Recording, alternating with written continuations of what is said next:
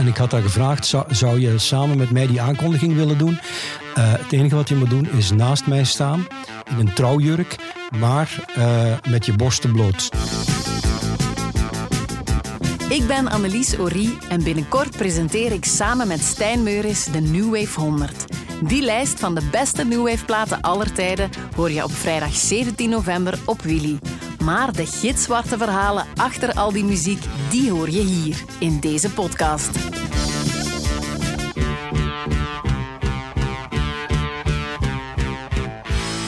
Dag Luc Jansen. Uh, dag Annelies. Luc, als er iemand bij Willy uh, New Wave uitstraalt, nog steeds, dan ben jij dat wel. Hè? Ik heb jou denk ik nog nooit in iets anders gezien dan zwarte kleren. Ja, dat klopt, maar dat, dat heeft niks met New Wave te maken. Bij mij toch niet. Uh, in de tijd van de New Wave was ik trouwens niet in het zwart. Ik had toen een witte leren broek en een, uh, een licht beige, uh, gelige uh, dijnen vestje. En een, een sjaaltje in.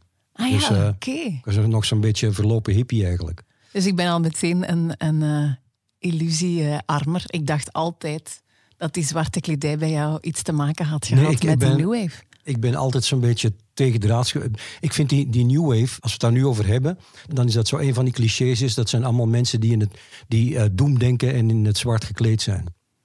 Dat is wat de, denk ik, de, de commercie er uiteindelijk opgeplakt heeft om het goed te kunnen verkopen. en, en wat mensen die het niet bij, bij, bij die tijd waren, eind jaren 70 en 80, daarover denken. Denken dat iedereen toen, oh ja, dat is een, een zwart wrak, dus dat is een New Wave. Trouwens, New Wave voor mij begint 1978 en eindigt zo wat 1984.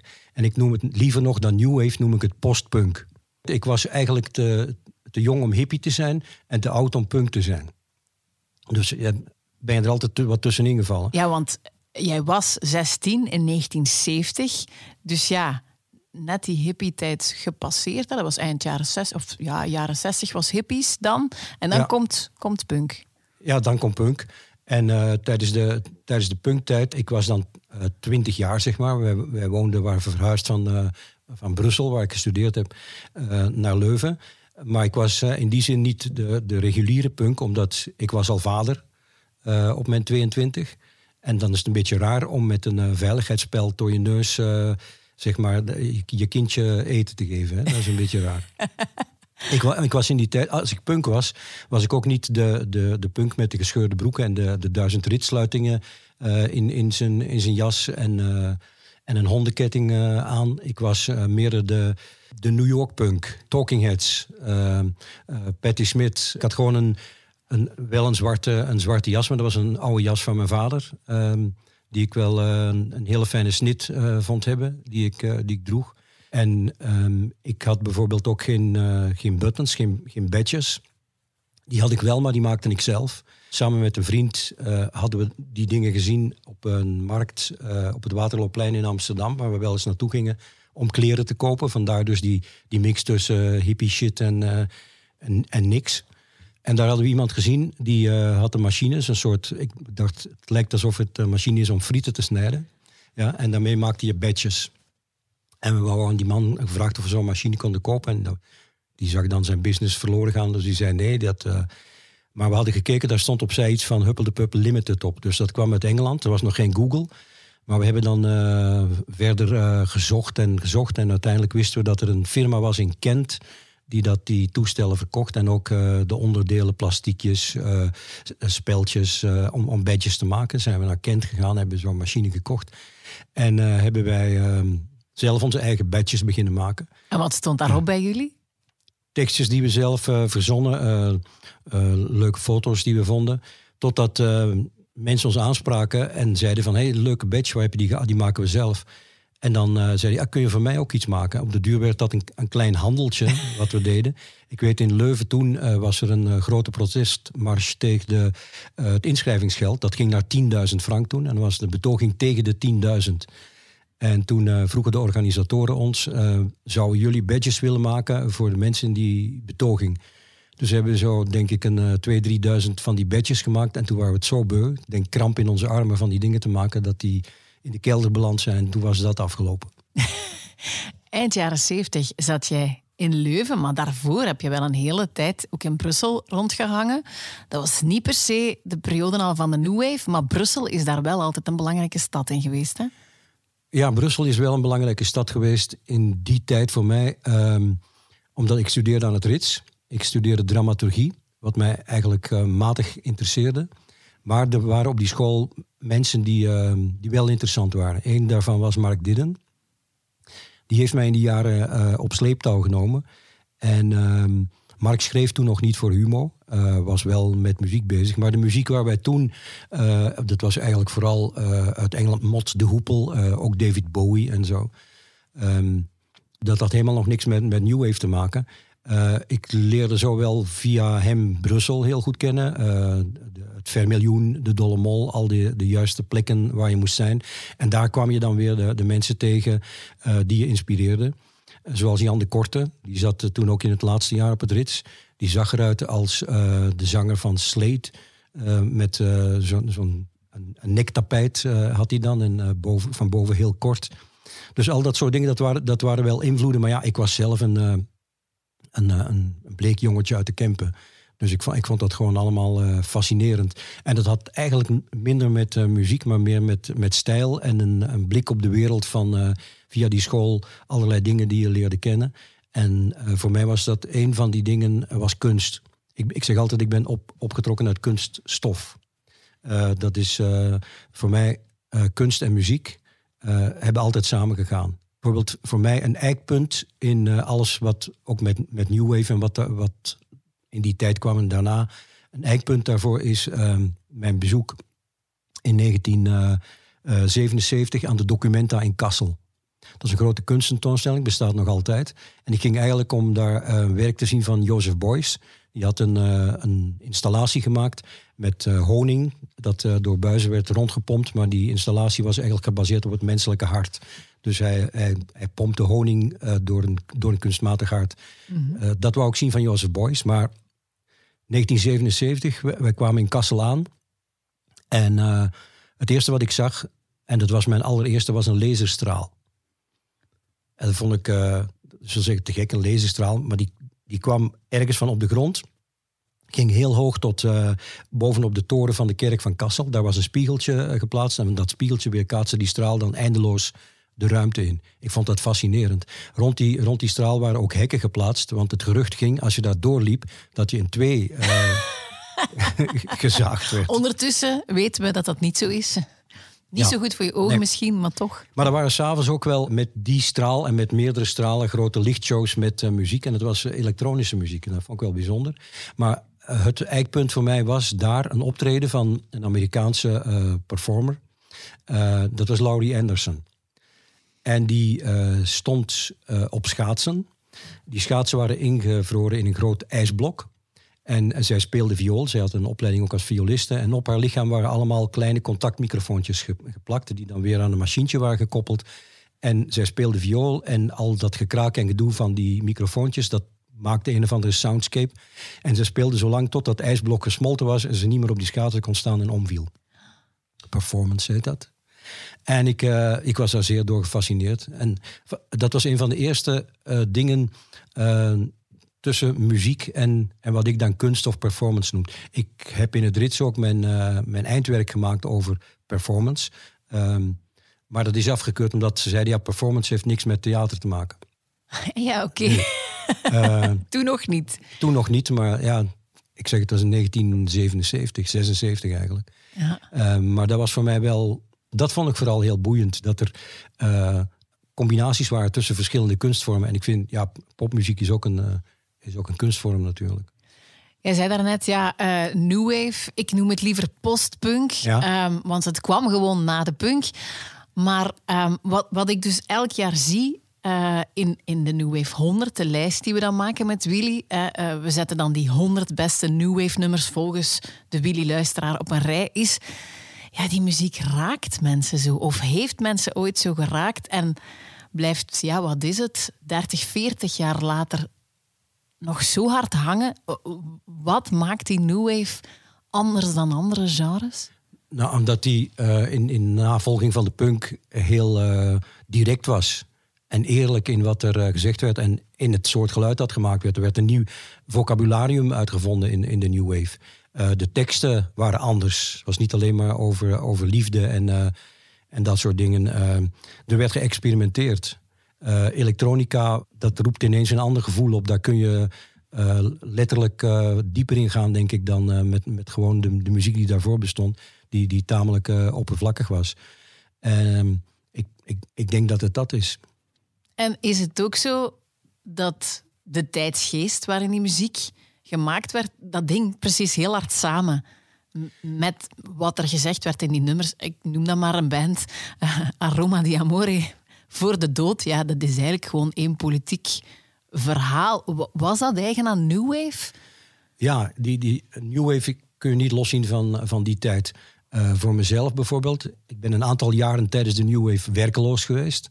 Dus daar word je niet vrolijk van. Die muziek die ook al niet vrolijk is. Uh, je zou zeggen, ja, dan ga ik, dan ga ik op een stoel staan, ik neem een touw en uh, that's it. Maar in tegendeel, je herkent je in die muziek. Je voelt van, ah, er zijn nog meer mensen die, die het ook niet, niet makkelijk hebben.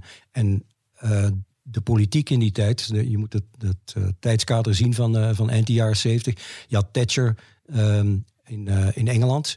Het was ook het, het einde van de, het ijzeren gordijn dat zo stil op, op zijn laatste benen liep. Als je het gewoon ziet hier in, in België, wat we toen hadden, dat was Van een Boeinans. Ehm, daar werd niemand vrolijk van. En dan had je ook nog de verschrikkelijke scheefpoeper Martens. um, ik noem die de scheefpoeper omdat Achteraf is gebleken dat hij dat, hij dat inderdaad wel was. Hè? En dat hij ondertussen ook een vrouw en uh, gehandicapte kindjes had. Uh, die die blijkbaar niet zo, uh, waar die niet zo mee bezig was. Um, ik was zelf vader op mijn 22e. Dat was een ongelukje, maar dat was een gelukkig ongeluk. Ik was, we zijn daar heel gelukkig en blij mee geweest altijd. Maar bijvoorbeeld mijn vrouw in die tijd, die, die, die lesgeeft in de lichamelijke opvoeding, die moest dan werk zoeken en die ging dan naar een school.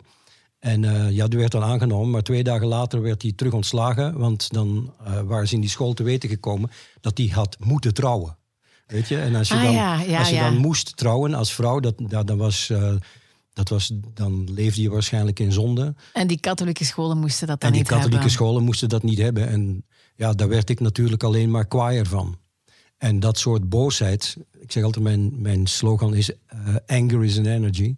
Uh, dat is van uh, John Lydon, die dat gezongen heeft. Anger is an Energy. En, en daar, op die, die woede, zeg maar, daar dreef in die tijd die muziek ook op. Mm Weet jij nog welke zo de eerste band is die, die je echt zag en waarvan je dacht of hoorde... Ja, ja, hier heb ik iets mee. Dit is echt... dit komt binnen. In die tijd ging ik heel vaak ook naar Londen. Uh, om boeken te kopen, om platen te kopen die je hier nergens vindt. Dat is van een ander liedje van Chris de Bruyne die daarvoor naar Amsterdam ging. Maar ik ging daarvoor naar Londen. En um, een van de, de plekken waar ik heel vaak kwam was de Troubadour. En de Troubadour was in Londen een, een café waar allemaal mandolines, gitaren en andere instrumenten aan het plafond hingen en waar volkmuziek gespeeld werd. En daar dronk ik warme choco. echt waar. Maar in Londen was er, waren er ook nog andere plekken uh, waar, waar ik kwam. Dingwalls als zo'n café. En Dingwalls, dat is in Camden. En eigenlijk is, is het... ik, ik ging naar winkeltjes kijken in, in die punktijd op Kings Road. Heel bekend in Londen. En helemaal op het einde van Kings Road... Ehm, daar had je een winkeltje en dat heet World's End. Het einde van de wereld. Die buurt heet ook World's End. En in dat winkeltje werden allemaal uh, spulletjes uh, verkocht die, die ik heel mooi en interessant vond en vaak niet kon betalen. En ik, omdat ik daar vaak kwam kijken, zei de eigenaar van die winkel: Ja, ik zal eens voorstellen aan de mensen die dit allemaal maken. Want er was een winkeltje van jonge designers, ontwerpers die dingen maakten en dat daar verkochten. En die hadden allemaal hun atelier in Camden. Uh, Camden Lock was dat toen, allemaal kanaaltjes in die buurt in, in Londen. En al die oude pakhuizen rond die kanaaltjes, daar werkten die mensen aan meubeltjes, keramiek, allerlei spullen, heel interessant. En daar was dus ook een van die loodsen, daar was een café in en dat heette Dingwalls. En in Dingwalls heb ik bijvoorbeeld The Clash gezien, heb ik de Sex Pistols gezien. Um, dus Londen was de plek waar ik die eerste dingen zag. Ehm, maar het concert dat voor mij het meeste indruk gemaakt heeft, dat was. eh, als je die mensen kende, die nam je dan ook mee naar, naar plekken die je, die normaal niet vindt als je, als je uit België komt. En een van die plekken was de Cryptic One Club in Londen. Het was in, in het jaar 1978. Dat is een crypte eh, onder de kerk van de Heilige Drievuldigheid in Londen. Dat is een klein kerkje dat eh, al niet meer in gebruik was, had ik het idee. En daaronder was een crypte. Ehm, een, een kelder met, eh, met bogen, eh, heel klein. En eh, daar zag ik in 1978 een optreden van Robert Random en de Normal, de Metabolist, Cabaret Voltaire en Throbbing Gristle. Dat was het avondje. Dat was een rot decadent geluid eh, van, eh van Throbbing Gristle. Die speelde met oude radio's, eh, tv-toestellen, alles wat maar slecht geluid maakte, zeg maar. En er was natuurlijk ook die stem van Genesis P. Orridge, de, de zanger van, eh van Throbbing eh, Gristle, die zeer asociaal was in zijn gedrag, ook op het podium. Gedegenereerd gedrag vertoonde die. Ehm, de, de beeldtaal van, van die bands in die tijd was eh, het fascisme, het nazisme, pornografie, zelfverminking, de dood, dat soort dingen. En dat sprak jou onmiddellijk aan. Dat sprak mij on, in die crypte in, in, eh, in Londen, dat sprak mij ons, ontzettend aan. Ik dacht van, hi- hier, hier gebeurt iets, eh, iets zeer bijzonder. Genesis heb ik later, een paar jaar later nog geïnterviewd. En ehm, de eerste ehm, Prins Albert die ik gezien heb, een, een ring door, de, Ja. door, door je penis, dat, dat was bij hem. Zijn eikel was, was gespleten en werd dan door een Prins Albert weer terug bij elkaar En dat vertelde hij tijdens het interview en die liet het dan zien of hij liet dat gewoon op het podium zien? Eh, op het podium, dat kan dat hij. Toen heeft hij dat aan mij niet laten zien. Het was tijdens dat interview dat hij dat uit zijn broek haalde en daarover vertelde. Maar goed, ze Kan, hadden ook ja. Cosi Fanny Tutti, dat was een pornomodel. eh, die, die was lid van, van die band. Zij waren eigenlijk kunst, want zij traden vooral op in, eh, op zeer eh, bijzondere plaatsen en in kunstgalerijen en zo. En dat, ja, dat was natuurlijk mijn ding.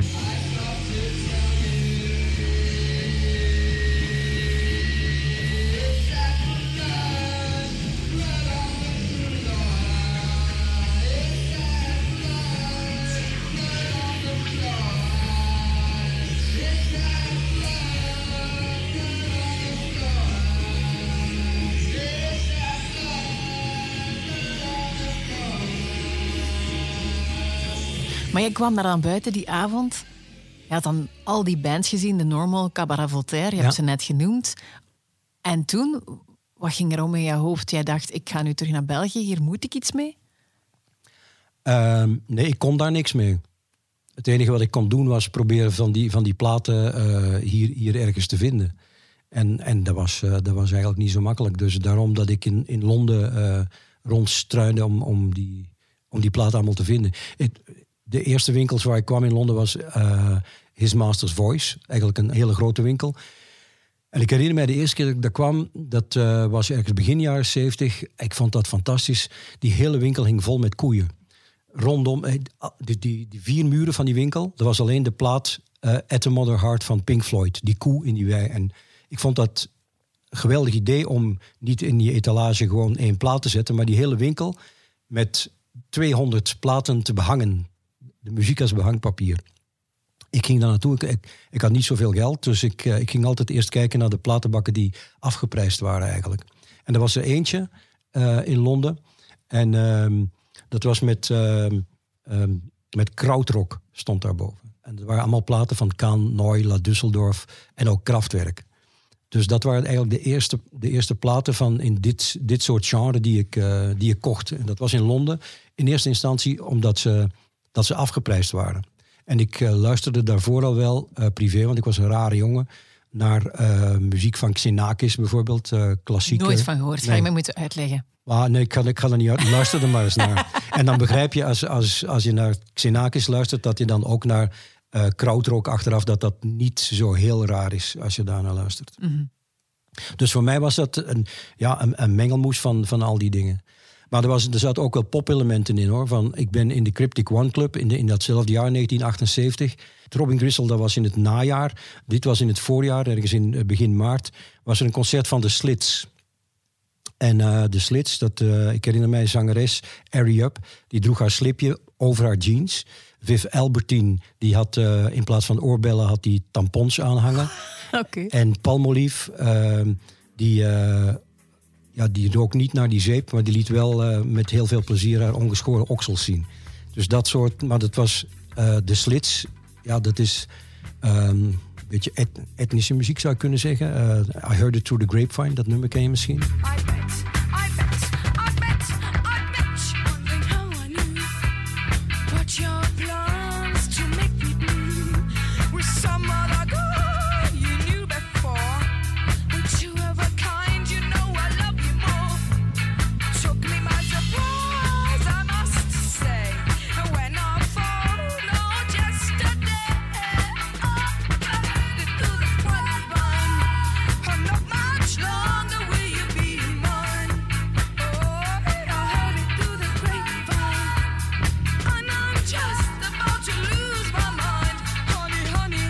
Ook in die Cryptic One Club. En die muziek vond ik fantastisch. Ik vond hoe die zich presenteerde fantastisch.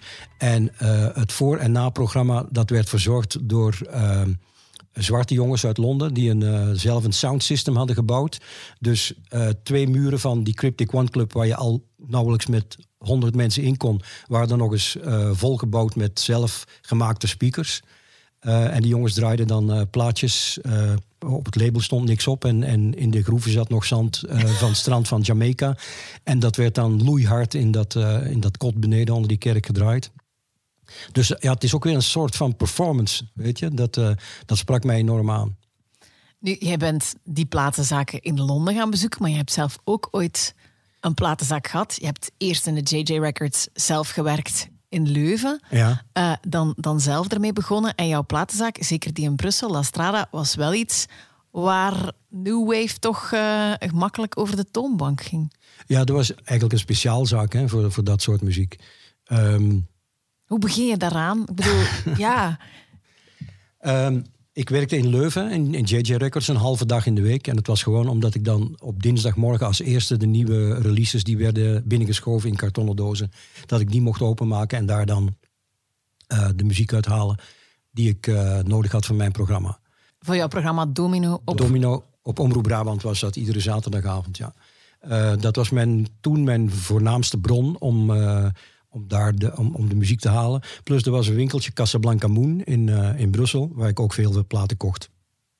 Uh, dus ik ben nooit rijk geworden van dat programma, want ik, ik besteedde eigenlijk, ik was blij dat mijn vrouw werk had en ik besteedde eigenlijk al mijn, uh, veel te veel geld toen aan um, mijn liefde, uh, de radio en de muziek.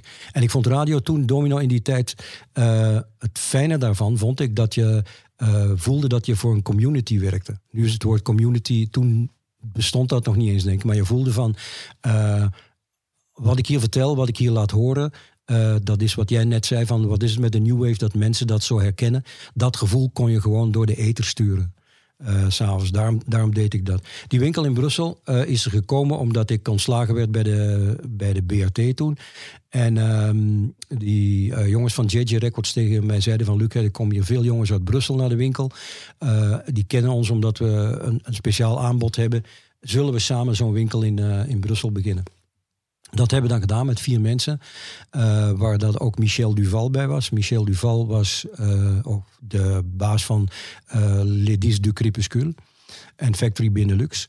Dus dat zat meteen... En Factory Benelux was het label waar New Order en Joy Division ja, ook op zaten, Ja, toch? Factory, ja. En Factory, dat was voor ons een soort voorbeeld voor die vier mensen die met die, met die winkel begonnen. Want Factory was niet alleen een platenlabel, wat wij ook begonnen, dat heette Himalaya Records. Uh, waarop we de eerste plaat van Front to for Two hebben uitgebracht. En uh, de single uh, um, Temple of Love van Sisters of Mercy. Um, Andrew Eldridge was ik tegengekomen. Um, had een interview met hem gedaan. En toen dacht ik van ja, ze, mogen we niet een plaat van jou uitbrengen? Omdat ik dan toch een soort van klein business manager geworden was.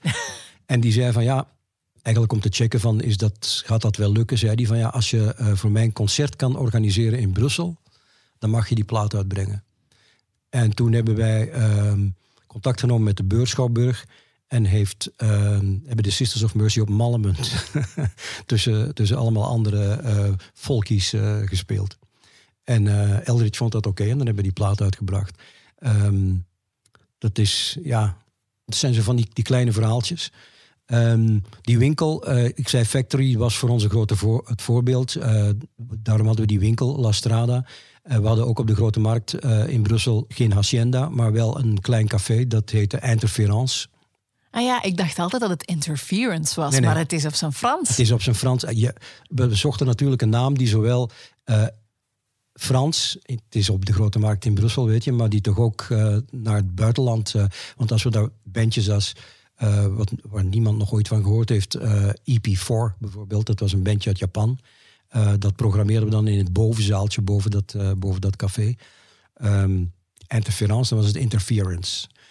in dat café hadden we ook um, Achter de toog stonden eh, zes of acht televisieschermen. Een groot scherm zoals nu digitaal, dat, dat bestond niet. Dus hadden wij gewoon zes of acht tv's.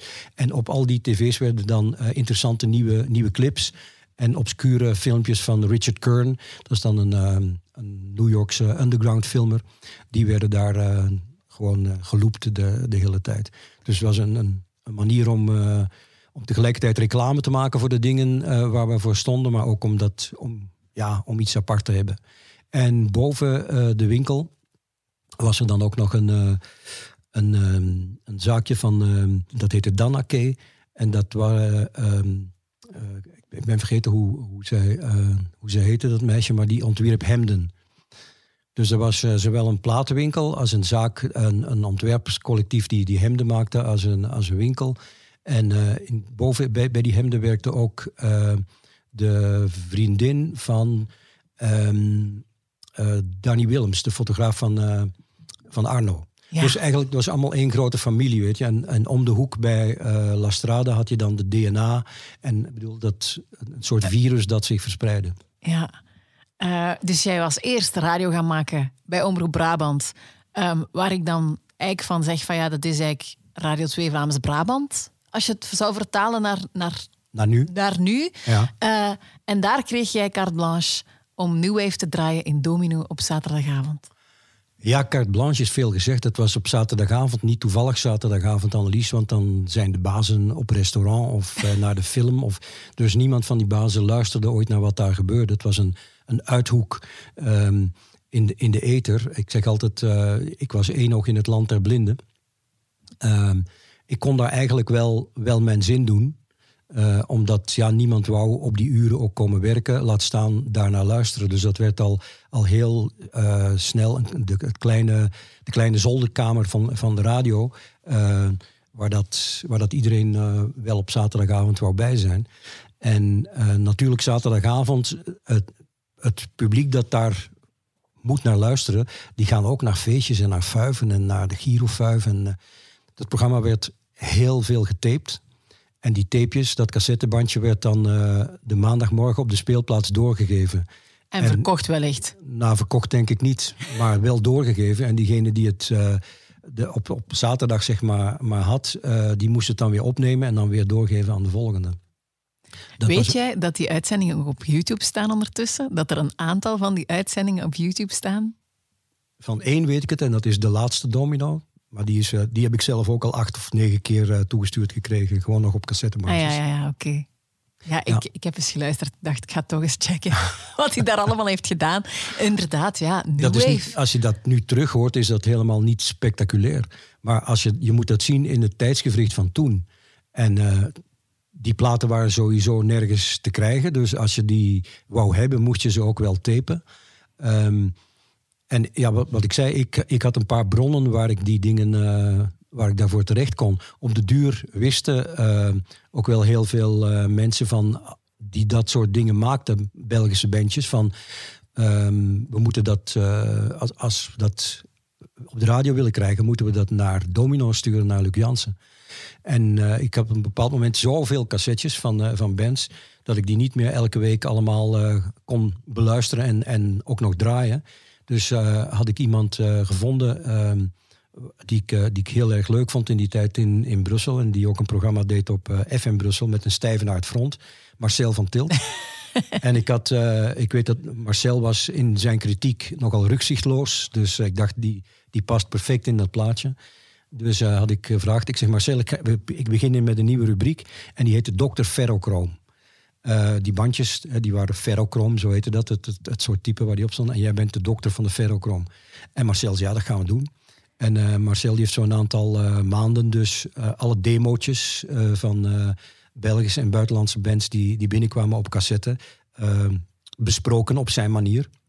Dr. Ferro Krom. Dus er was zo'n hele, ja, wij kenden elkaar en bekenden elkaar niet. En we hielpen elkaar de straat over, bij manier van spreken. Ja. Dan zit je daar met dat label, met die platenzaak. Um, daar heb je natuurlijk heel veel boeiende contacten op gedaan. En je hebt daarnet al uh, die single van Sisters of Mercy vermeld. Maar er was ook één heel speciale 12-inch die jij hebt mogen uitgeven. Ah ja, je, uh, je bedoelt een plaatje van de New Order. Ja, en misschien moet je voor mensen die niet meer weten wat een 12-inch is en wat daar zo speciaal aan is, nog eens zeggen: ja, dat is een single. Maar eigenlijk. Eigenlijk, ja, dat is een single op het, op, op het formaat van een, uh, van een LP. En die wordt ook als een, ja, in, in zo'n grote hoes verpakt als een LP. Wat was daar het nut van eigenlijk? Want ja, singeltjes ken ik. Maar een 12 inch, dat was gewoon cooler om te hebben of zo. Uh, nee, dat, die muziek heeft een andere dynamiek omdat er tussen de, tussen de groeven, die liggen verder uit elkaar. Uh, dat is een technisch ding, ik, snap dat ook niet helemaal. Maar omdat die groeven verder uit elkaar liggen, heeft die muziek een andere dynamiek. Die, is, uh, die komt veel krachtiger over. Anders, uh, dus dat is eigenlijk het verschil tussen een MP3 en een WAF bestand. Dat zou kunnen. bij wijze van spreken. Ja, Misschien cru gezegd. Hè? De, de, kwaliteit is, is, is beter, is beter maar vooral dynamischer. Dus dat komt meer binnen. En daarom dat, en uh, trouwens, uh, deze um, van uh, New Order was de allereerste 12-inch die ooit is uitgegeven. Dus dat, dat is nooit eerder gedaan. En omdat wij. en, en zij hadden die al in, in, in, in, in Engeland hadden ze die wel al uitgegeven op 12 inch. En jij dacht, ik wil die in België ook, of hoe ging dat dan? Nee, die was nog niet uit in Engeland, maar we waren de verdeler van Factory in, in België.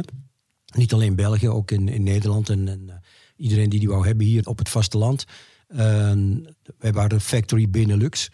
En ehm, dus wij wisten, er komt een, een, plaat van, een nieuwe plaat van New Order. En die is op een speciaal formaat. En dat, dat heet een, uh, niet meer 7 inch, maar een 12 inch. En uh, wij kregen de exclusiviteit voor uh, het vasteland om die uit te brengen. Dus het was, was een buitenkans. En dat ding, dat verkocht als ja, kon, kon het gewoon niet bijhouden. Broodjes. Zoete broodjes. dus wij zaten iedere avond uh, met z'n drie, vier mensen uh, boven de winkel uh, in de stok waar al de platen stonden. Platen in de, in de hoezen stoppen, hoezen in kartonnen dozen, kartonnen dozen, zielen, adressen erop van de winkels waar die naartoe moesten. En ja, heel vrolijk en blij natuurlijk, met een pintje erbij, want de zaken gaan goed. Uh, tot Miet Ongena, dat is dan ook weer zo. Miet, Miet was de vrouw van Jean-Marie Aarts. Ik bedoel, vraag me niet hoe al die mensen op diezelfde plekken terechtkomen. maar dat gebeurde Ik denk dat iedereen op een bepaald moment in Brussel terechtgekomen is. ja, nee, ja, Miet was onze secretaresse. Ja. En uh, die kwam op een bepaald moment naar ons en die had dan de eerste facturen van de winkels teruggekregen, maar ook van de leverancier in, uh, in Engeland. En die zei, jongens, stop maar. Want met elke 12 inch die wij verkopen, doen we zoveel centiemen verlies. Wat bleek dat die hoes, uh, die door Peter Seville, een van mijn absolute uh, favoriete hoesontwerpers, die ook al hoesen voor uh, Joy Division en zo gemaakt heeft, en voor New Order, die hoes was heel bijzonder. Het was een, een, een grote zwarte hoes met een, een gat in het midden. En uh, de binnenhoes was zilver, een zilveren hoes. Het zag eruit als een floppy disk, als je dat nog kent. Hè? Ik ken dat nog, ja. Maar dan een floppy disk van 30 centimeter. Uh, maar die hoes was dus duur. Die was duurder dan de hoes van een LP, want er was een gat ingestanst. Die binnenhoes was, uh, was in kleur. Op die zwarte buitenhoes stonden dan ook nog uh, een barcode in, in verschillende kleurtjes. Dus het was een hele dure hoes. Maar die plaat werd maar verkocht aan de prijs van een single met een klein beetje erbij. Dus met elke plaat die wij verkochten, uh, deden wij verlies. Dat bestond u nog niet, collectors item. nee, dat bestond toen nog En we doen het maal drie in prijs, nee. Nee. nee. Ik, we hebben wel zo'n plaat ook hetzelfde nog eens voor gehad met een band, ook uit die periode Laibach, band uit Joegoslavië. Uh, die brachten wij ook uit. En dat zijn echte kunstenaars. Die hun hoezen zijn altijd heel apart. En zij wouden gewoon een grijze hoes met een heel groot zwart dik kruis daarop. Uh, die plaat is ook maar op, werd maar op 500 exemplaren. Want Laibach was er niet zo'n goed verkopende. Maar dat soort dingen vonden wij wel belangrijk. Dus we, we we brengen die, uh, laten die hoes drukken, die plaat erin. Die jongens sturen een exemplaar op om die goed te keuren. En die zeggen nee, die is niet goed, want die hoes blinkt. Dat is een, uh, een, blink, een blinkende hoes. Wij willen een matte hoes. Dat moet als een soort vloei, vloeipapier aan de buitenkant zijn. Maar zoveel geld hadden we ook niet om dan die 500 hoezen opnieuw te laten drukken. Dus dan hebben we al die hoezen opnieuw losgemaakt, uh, terug naar, naar de drukker gebracht en gezegd: wil je hetzelfde nog eens drukken op de achterkant? Want die was wel grof, grof karton. en dan teruggeplooid. Nu, die 500 uh, eh, hoezen zijn nu wel collectors items, want het zijn de enige hoezen waar de binnen- en de buitenkant hetzelfde is. Ja. Um, een aantal verhalen die, die je af en toe hier en daar al wel eens verteld hebt, maar waarvan ik toch dacht van ja, als we het gaan hebben over New Wave en waar komt die vandaan en wat heeft die gedaan met Luc Jansen, dan vond ik toch de moeite om ze nog eens, uh, nog eens boven te halen. Okay. Um, Eén zo'n band uh, is Front 242. Ja. Um, Marcel van Tilt die is uh, Richard Vintois ooit tegengekomen op de psychiatrische afdeling van het leger. Uh, omdat ze eigenlijk alle twee soort van gedeserteerd waren en zich dan maar ontoerekeningsvatbaar ja. gingen laten verklaren, zodat ze niet meer terug moesten. Um, maar jij hebt een verhaal met Daniel van. Uh... Ja, Daniel Bressanuti. Dat ja. is zeg maar de, knoppen, de knoppenman, de, de man die de, die de muziek van een groot stuk maakt van Front 2 for 2. Uh, ik was um, op zoek naar voor de kleine Eppo en muziek. Ik wou, ja, die moet muziek maken. dus ik, uh, ik kende de winkel op de Plattensteen in Brussel achter de DNA. Uh, Hills Music heet die winkel. Ik weet niet of die nog bestaat. En uh, ik ga daar binnen en uh, ik vraag, ik zeg ja, ik heb, ik heb een, een, een jong zoontje en die, ik zou, die wil dat hij gitaar leert spelen. En die verkoper van die winkel, Franstalige jongen, uh, die komt naar mij en die zegt van ja, meneer, ik zou dat toch niet een gitaar kopen, maar uh, misschien iets elektronica is de toekomst. En het was dus Daniel Bressanuti. Maar wist je dat toen al? Nee, dat wist ik niet. Uh, ik wist niet dat dat die, die jongen van Front was. Want, en kende je Front al op dat moment? ik, nee, ik kende Front was volgens mij was, had Front toen nog geen, nog geen plaat uit. Um, dus Dan, Daniel verkocht mij toen een Casio. Een Casio waarop nog een bekende band eh, uit die tijd, Arbeid Adels, al zijn muziek speelde. Ja. Dus dat, uh, dat toestel, uh, ja, die verkocht me. Ik vond dat ook wel spannend, want daar, kon je hele leuke. Er zaten al, er zaten al muziekjes in. Dus dat was uh, Eppo zijn, zijn eerste instrument. En dat kocht ik van Daniel Bressanuti. En ja, daarmee kende ik Daniel. En zoals ik zei, achteraf hebben we dan de eerste plaat. En, maar jij kwam dan af en toe nog in de winkel? Of jullie kwamen elkaar tegen in Brussel? Of wanneer is jullie frank gevallen van... Ah, dat ben jij? Toen, eh, toen wij samen zaten met, uh, met Front om de uit, uitgave van die eerste plaat te bespreken. Oh ja. Toen zei ik, oh ja, dat is, uh, dat is Daniel. En we zijn uh, geen vrienden geworden, met elkaar wel vaak gezien. Um, omdat de studio van Front, dat was een, een achterhuis, meer, meer een garage, in Rillaar.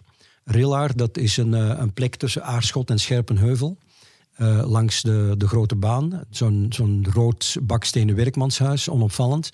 En uh, dat huurde zij. En omdat daar een, een, flinke garage achter zat, en daar was het studio van Front. Dus daar liep ik, uh, en, Rillar is dan niet zo ver van mij thuis. En ook niet als ik naar Brussel rijd, dan kom ik daar wel eens, wel eens voorbij. dus daar, daar sprong ik dan af en toe gewoon binnen om eens bij te praten met die jongens. En vooral om al die blitsen nieuwe apparatuur te zien die zij hadden. Ik herinner mij dat uh, Daniel mij een, uh, een snoertje liet zien, een draadje met op het einde een, een pluggetje eraan. En uit dat pluggetje kwam die laserstraal die ik ooit gezien had in Kassel, uh, twintig jaar daarvoor. Zie je, dat soort, dat, dat, was, dat fascineerde mij wel. Ook de stijl van, van, van Front to Two. Een dingetje in die tijd van de New Wave was, bands werden al heel snel voor fascisten uitgemaakt. Waarom eigenlijk? Ja, ik heb je dat nogal een paar keer horen zeggen. Wat, wat, wat was dat omdat zij politieke teksten hadden, omdat ze bepaalde kleren droegen? Of wat, nee, die, was die politieke teksten gingen vaak... Uh, precies over het tegenovergestelde, ja. tegenovergestelde, ja. Maar um, ja, veel van die bands... Moby bijvoorbeeld, als je, als je die zijn optredens nu ziet, die heeft heel goed gekeken naar uh, documentaires van Albert Speer. Hè? Er zijn uh, een bepaald beeld van hoe je dingen presenteert. Uh, werk, sommige dingen werken en sommige dingen werken niet. Nou, daar waren de nazi's dus wel heel slim in om uh, beelden hoe, hoe iets gepresenteerd werd, om dat te doen met, met licht en, en, en, geluid. En daar hebben heel veel uh, bands van afgekeken. En dan wordt het al snel gezegd van jullie zijn fascisten. Oh, dat ging dus eigenlijk echt alleen maar om, om het feit dat ze daar zagen... oké, als je iets in elkaar steekt, een vaak... show, dan wisten zij heel goed... Dat ging heel vaak om het, om het visuele, ja. Bij front, die werden dan militaristisch genoemd en, en, en ook rechts, terwijl het absoluut niet, het, niet het geval is. Ik bedoel, ik ben vaak bij Daniel thuis geweest, die woonde Ocharm in Geimel. Ja? Dat is een, een, een dorp dat, een parochie waarschijnlijk, in de mhm. buurt van Aarschot. En ik, ik kan met het hand op het hart zeggen dat al die jongens eh, daar absoluut zelfs niet van dat gedachtegoed zijn. Maar die hadden een soort uh, uniform aan, in het donker. Die muziek was dus, daar kon je op marcheren in plaats van op dansen. En dan denk, denken de mensen dat al vaak. Bij die New Wave was het vaak mensen die die die muziek niet kennen, uh, die daar dan ook een beetje bang van worden en die dan denken van, ah ja, dat zijn natuurlijk extremisten.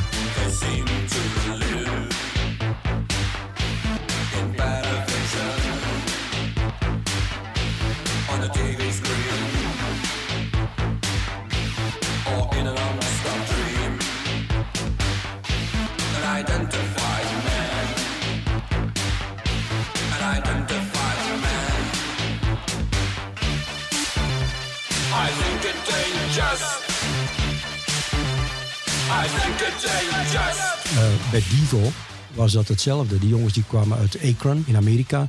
Akron is een, is een heel... Dat, dat zijn dingen die, Annelies, die fascineerden mij dan. Die, die muziek vond ik bijzonder van, uh, van Divo. Je ziet dan ook, dat is Brian Eno die het geproduceerd heeft. Dan denk ik, oké, dan, dan snap ik wel waarom ik het goed vind. Maar ook uh, als je dan weet, die komen uit Akron. Akron was dan een, uh, een plaats in Amerika van waaruit uh, preachers, um, mensen die, die het evangelie verkondigen en de getuigen van Jehovah, radio- en televisieuitzendingen maakten. Dus daar reageren die, die jongens als jonge mensen op en die gaan dan boeken lezen van, um, van Céline. Die, en, en daar dan in hun teksten naar refereren. Maar Céline werd dan, die schrijver, Franse schrijver, uh, werd zelf ook uh, als, als een fascist, uh, omdat hij voor de puurheid was. Dus al dat soort dingen mengen zich. Maar mensen die daar oppervlakkig naar kijken, die zeggen van, oh, dat zijn dan, dat zijn dan fascisten. Als we het dan hebben over Front 242, eigenlijk gewoon Belgische New Wave. Je zegt het zelf, ineengestoken in een studio in Rillaar, maar eigenlijk wel een wereldband geworden, toch? Ja, absoluut. Ik, ik, ik heb daar um, de, de um, hoe heet hij, de, de zanger van Nine Inch Nails? Trent, Trent Reznor. Ja, Trent Reznor. Ik heb Trent Reznor ontmoet in Rillaar. Wat? Voor die mensen maakt het niet uit of dat, dat nu in welke negorij dan ook is. Het gaat hem om, om het idee van wat wordt hier gemaakt en waar, staat dat voor. Uh, die, jongens van, uh, van Front zijn eigenlijk uh, architecten, vind ik. In hoe ze de muziek maken, de stijl van de, van de hoesen, van hun optredens. Ehm, het is niet toevallig dat uh, Kraftwerk, uh, dat die zo into de muziek van front geweest zijn altijd. Dat zijn ook architecten, dat zijn letterlijk architecten. Dus dat soort, uh, zeg maar, stijldingen in, in de new wave, uh, die hebben mij altijd bijzonder geboeid. Als je naar die Belgische uh, New Wave scene kijkt, zijn er dan nog zo groepen die eruit sprongen voor jou, waarvan je zoiets had van ja, hè, want jij, jij, was heel hard al bezig met de Factory en alles wat er in Engeland en eigenlijk ook nog in andere plaatsen in de wereld aan de gang was, maar, maar België sprak jou dat ook echt aan? Ik heb nooit een, uh, een onderscheid gemaakt tussen Belgische of buitenlandse bands. Ik heb alleen altijd een onderscheid gemaakt tussen goede muziek en geen goede muziek. Of uh, de muziek mocht dan iets minder zijn als het, het, het concept, het idee uh, mij aansprak, dan, dan was ik al vaak mee. Ik, heb natuurlijk het, het, geluk gehad in die tijd, als ik met, met die winkel en, en Himalaya, La Strada en zo begon, dat we daar een Factory Benelux bij hadden. Omdat bijvoorbeeld um, Michel Duval, die haalde Tuxedo Moon uit, uit Amerika naar Brussel voor een concert. Ehm, die jongens hebben hier een concert gegeven in de Plan K. Um, dat uh, had hun niet genoeg geld opgebracht. En het waren ook geen rijke jongens om terug te gaan naar Amerika. Dus die noodgedwongen bleven die hier. En die zijn hier jarenlang gebleven. Twaalf jaar of zo heb jij ooit gezegd, denk ik. Ja, ik denk een aantal van hen lopen, Blaine L. Reininger en zo, die lopen hier nog altijd rond. Ja. Uh, Winston Tong is eerder vertrokken, uh, Peter Principle ook. Uh, maar die mensen, die, als, als je gewoon eh, in de winkel was of je zat daarboven op, op, het, uh, op het kantoor of, of tussen, tussen de platen, die liepen daar gewoon rond. Die, die, die zaten in Brussel, die, die, die kwamen binnen. Uh, dat is een ja, moet ik zeggen, een, bijzondere situatie waar je in zit. Anna Domino, die, die, die naar Brussel gehaald wordt. Um, Roddy Frame van Esther Camera was de bedoeling dat we daar een plaats zouden van uitbrengen. Dat is niet doorgegaan, maar in, in de tijd dat, uh, dat daarover gepraat werd en zo, logeerde die een, een, aantal weken in Brussel. De meisjes van Antenna, uh, die, die, daar hebben wij een appartement voor gehuurd in Brussel. Um, Jij zat gewoon aan de bron. Ja, ik, ik ging bij, bij Cramped Discs uh, langs. Dat is een, een, een label, uh, een Brussels label die vooral experimentele jazz en, en uh, dat soort dingen, Aksak Maboul en zo, die, die, die platen uitbrachten. De Tueur La Lune du Miel. Maar daar was ook Colin Newman, de zanger van Wire, een van, van de grote postpunk new wave bands, een van de grootste. Colin Newman, die, die was daar om zijn soloplaten te maken.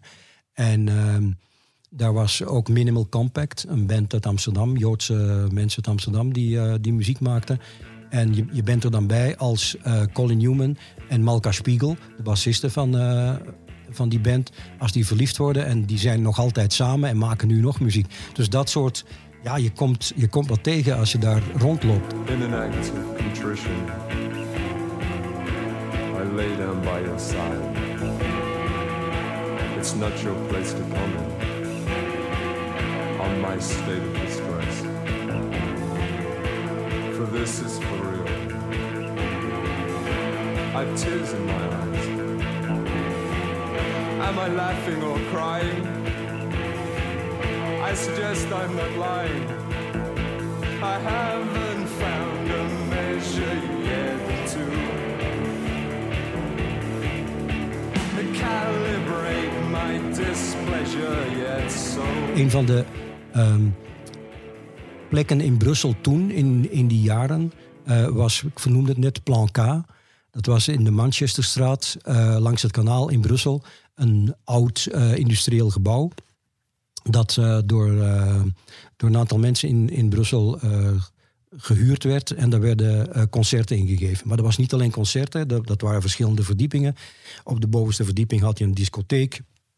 Je had elders nog een café. En er was ook één ruimte en dat was een, was een concertzaal. Daar heb ik bijvoorbeeld op 16 oktober 1976 uh, uh, Joy Division gezien. Jij hebt ze gezien? Ik, heb dat ik, toen ik wou gezien. het vragen, ja. ja. Heb je ze ooit gezien? Ja. Dat was, ik ik uh, weet dat het eerste nummer dat ze speelden, dat, dat uh, was Love Will Tear Us Apart. Achteraf heb ik dan ook gehoord dat dat de eerste keer was dat ze dat, dat, ze dat live speelden. En ze speelden dat, Love Will Tear Us Apart, uh, omdat de promotor van Plan K, die die concert organiseerde, dat was een meisje en die heette Annick Honoré. En ja, de zanger van Joy Division, die Ian was, Curtis. Ian Curtis, die was verliefd op Annick Honoré. En daarom zijn ze met dat nummer toen begonnen. Dat zijn dingen die je achteraf weet, maar het is wel te gek dat je weet dat ik daarbij was. Ik ging in eerste instantie niet voor Joy Division, um, maar wel voor William Burroughs de schrijver, William S. Burroughs, uh, van de Beat Poets, uh, die daar was. Um, en Joy Division kreeg je er gratis bij of zo? Ja, het gratis bij niet. Ik was blij dat die er waren. Er was Joy Division, er was William Burroughs en er was ook Cabaret Voltaire die avond. En uh, daarboven waren dus die danszalen. En je merkte dan wel, als je in Plan K was, dat er waren dus de, de wat Branchés van uh, Brussel die gingen dansen in die, uh, in, in, in die loft daarboven. En wat die, zijn dat? Les, Les Branchés, dat zijn ja, die mensen die dan voor die avond netjes opgekleed zijn. Ah, ja. uh, dat komt ook in het, allemaal in hetzelfde gebouw? Dat is in hetzelfde gebouw, ja. Um, die, die, die passeren dan voorbij die ruimte waar Cabaret Voltaire of, of Joy Division speelt. En die, die steken dan zo een beetje hun neus binnen van ja, wat voor een raar volk zit, uh, zit hier allemaal.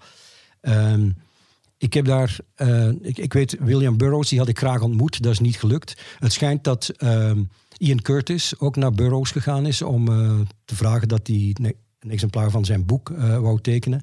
En dat Burroughs daar geen zin in had. Te zeggen van ja, wie ben jij? Terwijl... Wat was daar zo speciaal aan? Of, of wat had jij daar dan op dat moment mee? Want je zegt ja, Joy Division, nou, ik had, dat ik ze gezien heb, maar misschien eerder in retrospect. Ik heb je al eens eerder verteld dat ik van opleiding dramaturg ben. Hè? En dus uh, heel dat scenografische, dat, dat, daar ben ik wel mee bezig. Performance, daar ben ik mee bezig. Maar ook met taal. Weet je? En Burroughs, een schrijver. eh, op heel veel van die eh, interessante concerten in die tijd waren er ook eh, schrijvers die kwamen voorlezen of die, eh, die, die er gewoon waren. Ehm, dichters uit die tijd, bijvoorbeeld Linton Kwesi Johnson, is een, eh, een, een, een linkse eh, zwarte rasta-dichter uit Londen, die prachtige platen eh, in die tijd gemaakt heeft van de New Wave. Want new, in de tijd van de New Wave, je had, ik heb het vaak over die industriële bands, maar je had naast al die popdingen als, eh, als The Cure, eh, had je natuurlijk ook eh, heel veel zwarte, zwarte muziek. De, de ska, de reggae. Eh, New Wave heeft heel veel eh, uit die muziek ook gehaald. eh, qua stijl, qua, qua geluid. Linton Kwesi Johnson was zo'n dichter. Ehm, dichteressen waar ik eh, erg veel van gelezen heb in die tijd waren Elena Chervenka, eh, Lydia Lunch, dat ken je misschien wel. Ehm, een New Yorkse dichteres, zangeres, performer. Die had, dan, die had dan weer linken met die, met die Richard Kern, dat ik zei, die, die, die fotograaf, die filmer uit New York. Eh, had ook weer te maken met eh, Ellen Vega van Suicide. Werkte met Sonic Youth. Eh, maar dat was het, in, in oorsprong een dichteres, Lydia Maar er was een soort van scene. Ja. Zoals wij dat eigenlijk nu niet meer zo hard kennen. Nee. Misschien, misschien zijn die er af en toe wel nog, maar dat voelt niet meer zo. Alsof dat iedereen bij elkaar op de vloer komt en op elkaar show speelt. Je Mhm. gaat naar een concert van X of Y. Misschien is er wel een voorprogramma. Misschien ook nog een DJ. Maar dit soort avonden kennen wij toch niet meer? Nee, omdat het, er is te veel. Toen was het eh, misschien, want dat is een beetje een flauwe vergelijking, maar als je vroeger naar, naar fuif ging, dan had je op een bepaald moment stonden de disco's op de dansvloer en dan stonden de punkers op de dansvloer. Je hoorde daar ergens bij. En het interessante toen vond ik aan wat we dan gemeengoed de New Wave noemen, eh, dat je daar als, als jonge man of jong meisje heel veel kon het opsteken als je dat wilde. Als je wist Cabaret Voltaire, dan denk je oké, leuke naam Cabaret Voltaire. Maar Cabaret Voltaire was de club van de dadaïsten in eh, Zurich in het begin van 1900. Ehm, en die, de band heeft zich genoemd naar, die, naar dat café waar de dadaïsten eh, optraden. In die tijd waren er geen versterkers. Was er, eh, de optreden die ze gaven, zij bouwden zelf hele grote houten bakken, eh, dozen met toeters aan, om daarop te kloppen en te slaan en daarbij te roepen. Lawaai maken, ze maakten lawaai. En waarom was dat? In die tijd, we hadden, ehm, moet denken voor de Eerste Wereldoorlog, was het, nu, nu zijn we op zoek naar stiltegebieden, maar toen was het overal stil. En het is pas met de Eerste Wereldoorlog dat er kanonnen komen, dat er tanks komen, dat er vliegtuigen komen, dat er een lawaai ontstaat. En die dadaïsten die vonden dat fantastisch. Die zeggen ja, lawaai. Dus die maakten lawaai-machines. En die gaven optredens met lawaai-machines. Dus dat soort dingen leer je of probeerde ik mee te geven aan eh, als ik programma's maakte in die tijd met Cabaret Voltaire. Eh, ik vertelde niet zoals ik het nu aan jou vertel, maar ik gaf wel de aanzet dat als je meer wil weten, en er zijn interessante dingen rond, rond, die, rond die bands te vinden. Want ik zei van die poëzie, er was zo'n, een dichter in, eh, een, new wave dichter in, in Londen in die, tijd, eh, John Cooper Clarke. Ehm, een soort eh, Jules Deelder, maar dan niet met eh brillantine, maar met gecrepeerd haar. Ehm, hier korter bij ons had je Bart Chabot, ken, kennen we nog altijd, een, een Nederlandse schrijver, eh, dichter in die tijd. Eh, maakte fantastische dingen. En als we net voor de New Wave gaan, maar waar ik heel eh, eh, erg veel aan had, was Jottiet Hoofd bijvoorbeeld Ja, de dichter. Maar je kunt, Jottiet Hoofd is, is geen punk, maar hoort dat eerder bij de New Wave. Dat, dat donkere, dat, wat, wat wij daarin in, in zochten. Ehm, ja, dus die, die, die mix van, ik noem dat in het heel breed cultuur, maar dat maakte voor mij die, die, die hele scene, die New Wave, interessant. waren wel slimme mensen, heb ik zo het gevoel. mensen in die scene of zo. Nee, die, die, Die, waren, die ergens mee bezig waren. Ja, en waar die mee bezig waren, Annelies, die kwamen allemaal uit de kunstacademie. De New Wave was inderdaad, als ik interviews deed met John Fox of zo, eh, de, die interview, dat ging heel even over de plaat. En dan vonden we altijd wel een boek dat we alle twee gelezen hadden. En dan was het zo van, oei, de tijd is om. En eh, ja, sorry. Maar we hebben toch eh, een goed gesprek gehad. Weet je, dat was met, met, met John Fox, met Gary Newman eh, was dat ook. Eh, dat ging heel, heel kort over zijn muziek. Dan had ik de quotes die ik moest hebben voor de radio. En dan werd er verder gepraat over zijn fascinatie voor vliegen bijvoorbeeld. De muziek was één ding. En wat daaraan hing, eh, kon je heel veel raakpunten vaak vinden met mensen. Zo'n band als Throbbing Gristle. Ik heb een concert van Throbbing Gristle gezien waar ze alleen maar eh, bij muziek was het niet. Het was een soort slogans die ze riepen en geluid dat ze maakten. Werden er ehm, hele hoge tonen mee gestuurd die niet de, duizend hertz of zoiets. Die je niet echt je kon horen. Maar waar iedereen misselijk van werd. Dus op een bepaald moment werd, begonnen mensen over te geven en zo op dat concert.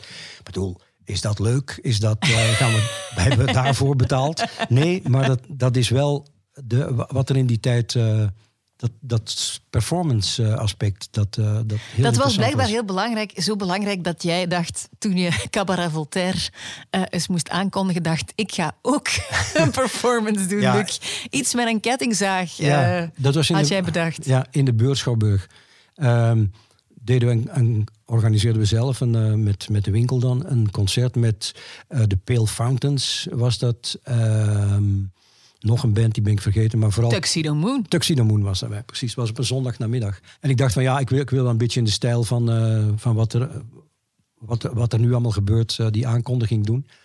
En eh, ik had een, ehm, de, de vrouw van een, van een goede vriend van me, die, die in de mode zat en die, de, die er ook zeer, zeer fraai uitzag. Eh, Een mooie dame. ja, ja, een mooie, ja mo- mooi, in, mooi in de zin van zoals Lydia Lunch of zo. Dat is geen mooie dame, maar je kijkt daarnaar en je zegt van, hmm, daar is iets. D- er is iets. Eh, iets aantrekkelijk- interessant, ja. Interessant, meer dan aantrekkelijk, weet je. En dat was met haar ook zo. En ik had haar gevraagd, zou, zou je samen met mij die aankondiging willen doen? Eh, het enige wat je moet doen is naast mij staan in een trouwjurk, maar eh, met je borsten bloot. Dus die trouwjurk moet je naar beneden trekken en je staat gewoon naast mij. En ik doe die aankondiging van Cabaret Voltaire. Ehm, en ik, eh, ik, heb, ik heb een kettingzaag. En, en ik ben geblinddoekt. dus ik had een, eh, een, een zwart doek zo, voor me. Zo. Ik mag hiermee lachen, ja, hè? ja. En, en een kettingzaag in gang getrokken. En ik, wil die, ik heb die aankondiging gedaan die niemand gehoord heeft. Want die kettingzaag die maakte zo'n heel Jij had toch al radio gemaakt op dat moment? Wist je toch niet? Nee, je, je- ja, weet je, je, je bent onnozel op zo'n moment. En, eh, maar het eerste van al was dat, ja, ik zag dus niks met dat blinddoek en ik zwaai met die kettingzaag. En die kettingzaag komt in dat trouwkleed van Anne. Eh, ja, en toen eh, ja, is iemand gekomen, die heeft die kettingzaag stilgelegd. En dan, en, dan eh, En jullie performance En- en- stilgelegd? ja, en Anne heeft nog al haar benen. Dus ehm, ja, dat, dat waren dat soort dingen dat we toen deden. Dat concert van de Cabaret Voltaire, die dacht waarschijnlijk hier moeten wij nog overkomen op, op wat er hier nu gebeurd is. Want e- eerst even, hoe reageerde het publiek op jullie? Dat weet ik niet meer. Niet, denk ik. Ja, nee, je was geblinddoekt, je hebt het niet gezien. Je hebt het hooguit gehoord. niet. Ja. Ik weet niet hoe die gereageerd Maar zij hebben. dachten, wij moeten hier over. Ja, dus het concert is wel niet goed, eh, niet goed afgelopen. Of het is wel eh in herrie geworden in, in de zaal. Omdat Cabaret Voltaire die dachten van... Hier kunnen wij nog, nog makkelijk over. Dus ehm, ik heb mijn aankondiging gedaan. En eh, ja, de band eh, komt op. En in, terwijl ze opkomen laten ze het brandgordijn. Dat is een, een, een ijzeren rol, rolgordijn. Een, Ja, ja, ja, dat garagepoort hangt in de meeste grote Ja. zalen. Ja. Kunnen, ze, kunnen ze de zalen afsluiten als er brand is, effectief? Een, een ijzeren garagepoort die naar beneden komt. En die hebben dus een concert gespeeld. Acht, niemand heeft eh, Cabaret Voltaire gezien.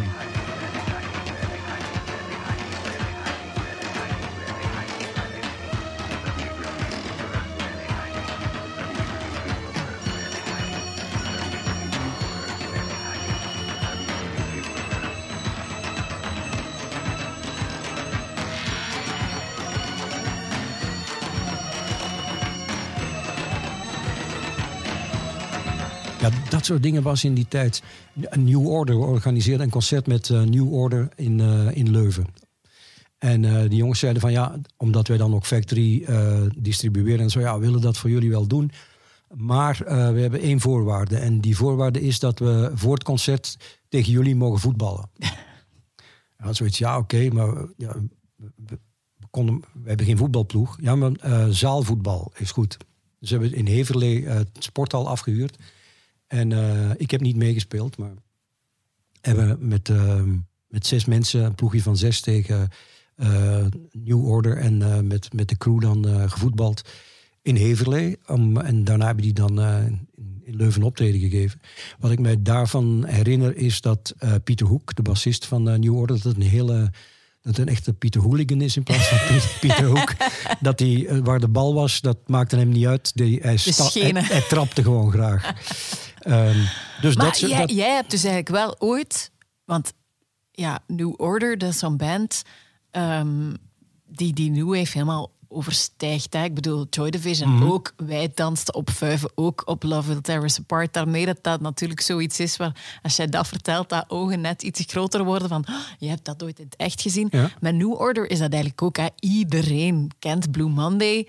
Ehm, dus jij hebt die ooit naar Leuven gehaald om daar een concert mee georganiseerd. Ja, dat was in, eh, langs de vaart, eh, hoe heette dat? Dat was zo'n grote discotheek. In de Manhattan. De Manhattan, ja. In Waar Manhattan. eigenlijk dan de studio's van thuis Ja. later Ja. zijn gebouwd en nu weer weg zijn. Ja. En, en, en wat, voor, wat voor show was dat? Hoe stonden die op het podium? Ehm, bij New Order heeft niet zo'n bijzondere eh, act op, op het podium. Het is gewoon de muziek die, die, die, gewoon, die, die goed is. Die doen, het opvallendste is de bas van Pieter Hoek. Die hangt bijna op de grond. Die staat in het hele concert in spreidstand. En eh, die bas hangt heel laag tussen zijn benen. En eh, dat is eigenlijk de, de, gimmick van, eh, vind ik, van New Order. Om, En als je, als je teruggaat naar dat concert, ehm, was dat dan ook dat, dat het publiek daar was, ook allemaal in het zwart gekleed? Ik bedoel, ik ben één keer op Sinners Day geweest en daar had ik wel het gevoel, ja, dat cliché van al die mensen in die zwarte kleren, dat, dat klopt. Ik was blij dat ik geen witte t-shirt aan had op dat moment, want ik was echt heel hard uit de boot gevallen. Ja. Hoe, hoe was dat? in Ik heb, ik heb zelf? één jaar Sinners Day eh, in, in Hasselt, was dat toen, eh, gepresenteerd. Ehm, en dat was omdat op die editie Arbit Adel speelde. Ehm, ook eh Patty Smith en ook Lydia Lunch. Dus, en Patty Smith, Lydia Lunch, dat, vond ik dan al eh, bijzonder. Dus ik dacht, ja, ik, heb ik ja gezegd om dat te presenteren. Maar ik heb dan ook gezien dat eh, als ik daaraan kwam, dat er op de parking heel veel auto's met hun eh, koffer open stonden. En dat dat eigenlijk allemaal kleedkamers. Ik bedoel, iedereen stond zich achter zijn auto om te kleden. Van tandarts, wat ik in het gewone leven ben, of lerares, of poetsvrouw, of ik weet niet wat. Stonden zich, eh, hadden hun, hun laarzen, kettingen en eh, alle mogelijke dingen eh, in de kofferbak zitten. En die kleden zich om. Dus ik vind dat. ja, Maar ja, misschien ook een klein fake. beetje van... Oké, wij zagen er toen we 16, 20 waren zo uit. We hebben die kleren allemaal bewaard. En als we dan op latere leeftijd nog eens naar Nou, zo'n ik hoop dat feest ze gaan... gewassen zijn ondertussen, Annelies, een paar, een paar keer. Ja, maar die concerten, bijvoorbeeld Plan K, ik, ik heb hier even opgelijst wat ik daar allemaal gezien Ja. heb in die tijd. Dat zijn Echo and the Bunnymen, Birthday Party, The Human League, Cocteau Twins, Cabaret Voltaire, Bauhaus, Psychedelic First, A Certain Ratio, Front 2 for 2, Islands in Gaza en The Young Marble Giants. Alleen in Plan K in die eh, eind jaren 70. Dus dat, dat, eh, als je dat nu oplijst, dan vallen mensen bijna flauw van wauw. Ja, in die tijd was dat de Birthday Party, het band van Nick Cave, hè, in, in Plan K. Eh, ik ben nooit zo bang geweest op een concert als toen. Omdat daar hing eh, een vorm van agressiviteit die niet echt als agressiviteit kon beschrijven. Er gebeurde zoiets dat ik dacht van, hier komt niemand levend nog buiten. Dat was gewoon de... Ja, ik, ik vind een, een concert ehm, dat dat heeft, is bij mij altijd goed. Waar ik, waar ik bang ben. Het is grappig dat je dat zegt.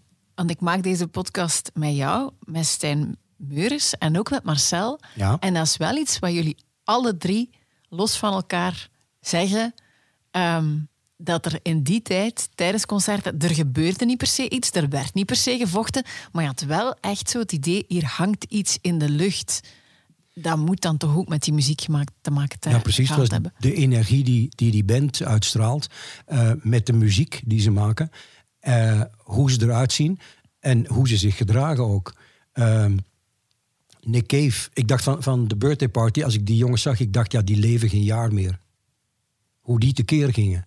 Eh, Tracy Foo, de, de, de bassist. Die is, zo'n grote, grote cowboy met een cowboyhoed op. En, en die sprong met zijn bas en alles dook die gewoon door de, de basdrum door. Eh, Nick Cave die, eh, die heeft meer in, in het publiek gezeten dan dat hij op het podium heeft gestaan. En dat was in die tijd was dan, ja, ja, was dat raar, raar natuurlijk. Iggy Pop, dat wist je, dat die eh, de eerste keer dat ik de Stooges eh, gezien heb, speelde die eh, voordat, voordat ze optraden ehm, het Brandenburgs concert. Hè, werd dan gespeeld. Dat was op zich al zoiets van, oh, ik kom hier Dat naar was de intro ja, dan. ik kom naar een popconcert, maar je, je hoort dan al het Brandenburgs concert. Achteraf was dat, als, als, als het gedaan was en dat concert duurde 25 minuten, eh, eh, de Walkoeren van, eh, van Wagner of zoiets, die, die dachten ook echt van, dit, dit moet iets, We dit gaan moet iets iets meer zijn. neerzetten. Ja, Ja. aha. dat, daarom Suicide hè, is, is mijn, een van mijn all-time favorieten. Als ik die in, in, de, in de New Wave ergens moet zetten, is dat bij de, bij, in de top drie sowieso.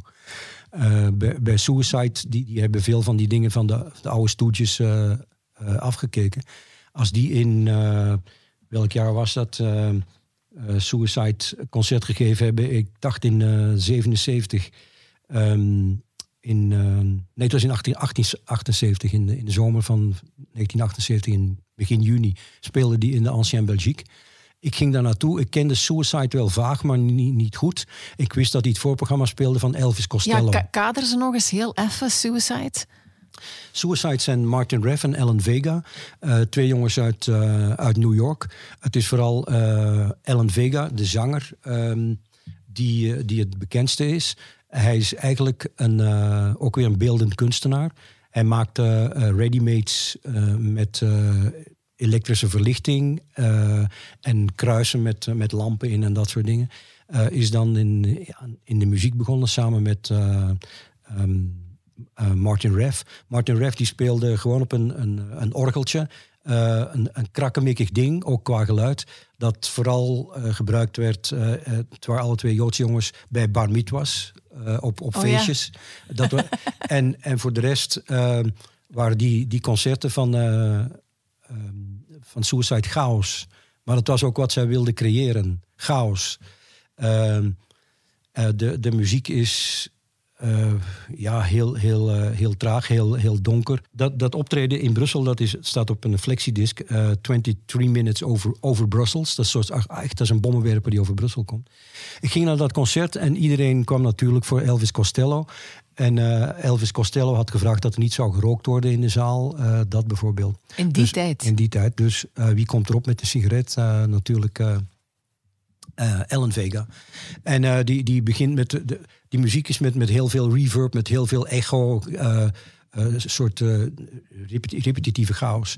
Eh, dus de mensen waren, waren heel snel boe, boe. En eh, ehm, na, na 23 minuten ook, hij, hij eh, was iemand in het publiek die zijn microfoon eh, afpakte. En die niet meer heeft teruggegeven. Ik weet wie die, wie die microfoon Ja, heeft. kom, wie? Ja. nu vertellen. Nee, het is een bekende figuur uit die scene in Brussel in die tijd. Die heeft, de hele, die, heeft die microfoon afgepakt. als Marcel van Tilt. Nee, Nee? nee. Ehm, in de scene is hij bekend, maar, eh, maar daarbuiten, daarbuiten eigenlijk niet. En je durft hem zoveel jaren na datum nog altijd niet te noemen. Eh, ja, dat heeft geen belang. Niemand, niemand kent hem. Oké. Ehm, maar ehm, ja, die, die, die muziek, dat, eh, zoals Frankie Teardrop bijvoorbeeld, zo'n fantastisch nummer van hem. Die Frankie Teardrop, dat is, dan, dat is dan ook een, eh, een figuur uit, uit dan weer een comic, eh, comic strip. Frankie Teardrop. The detective. Lived on the Bowery. Blowing out his brain. Al, al dat soort dingen hangen, hangen weer samen. En Dat, dat is ja, wat ik vertelde. New Wave is niet alleen de muziek, dat is veel meer. En ehm, bij dat concert, ehm, op een bepaald moment heeft eh, Elvis Costello zelf de stekker eruit getrokken. Dan, eh, Maar Elvis Costello, voor alle duidelijkheid, had wel Suicide gevraagd om het voorprogramma te doen. Of hoe ging dat dan? Eh, of die idee. stonden in het voorprogramma en hij dacht... mm, ja, misschien heeft die programmator gezegd van ja, ik doe Suicide, dat doe ik als voorprogramma. Ik weet niet hoe dat gegaan is. Maar het was in ieder geval geen goede match. Costello is dan, eh, is dan opgekomen, heeft na drie nummers is die dan ook weer gestopt met spelen. Ik bedoel, eh, de politie is dan binnengevallen in de Ancien Belgique, die nadien verbouwd is. Dus de, de verbouwing is toen begonnen eigenlijk. ah ja, oké. Ja.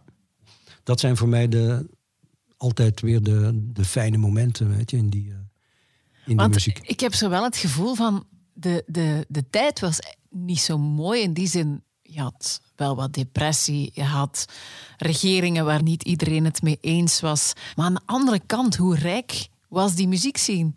Eh je had heel veel platenwinkels, je had blijkbaar heel veel concerten.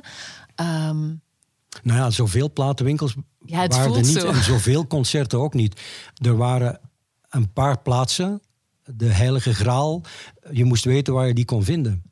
Er waren een paar platenwinkels en dan moest je nog bijna een bevoorrechte positie hebben in zo'n winkel om dan eh, dat die platen voor jou opzij werden gehouden.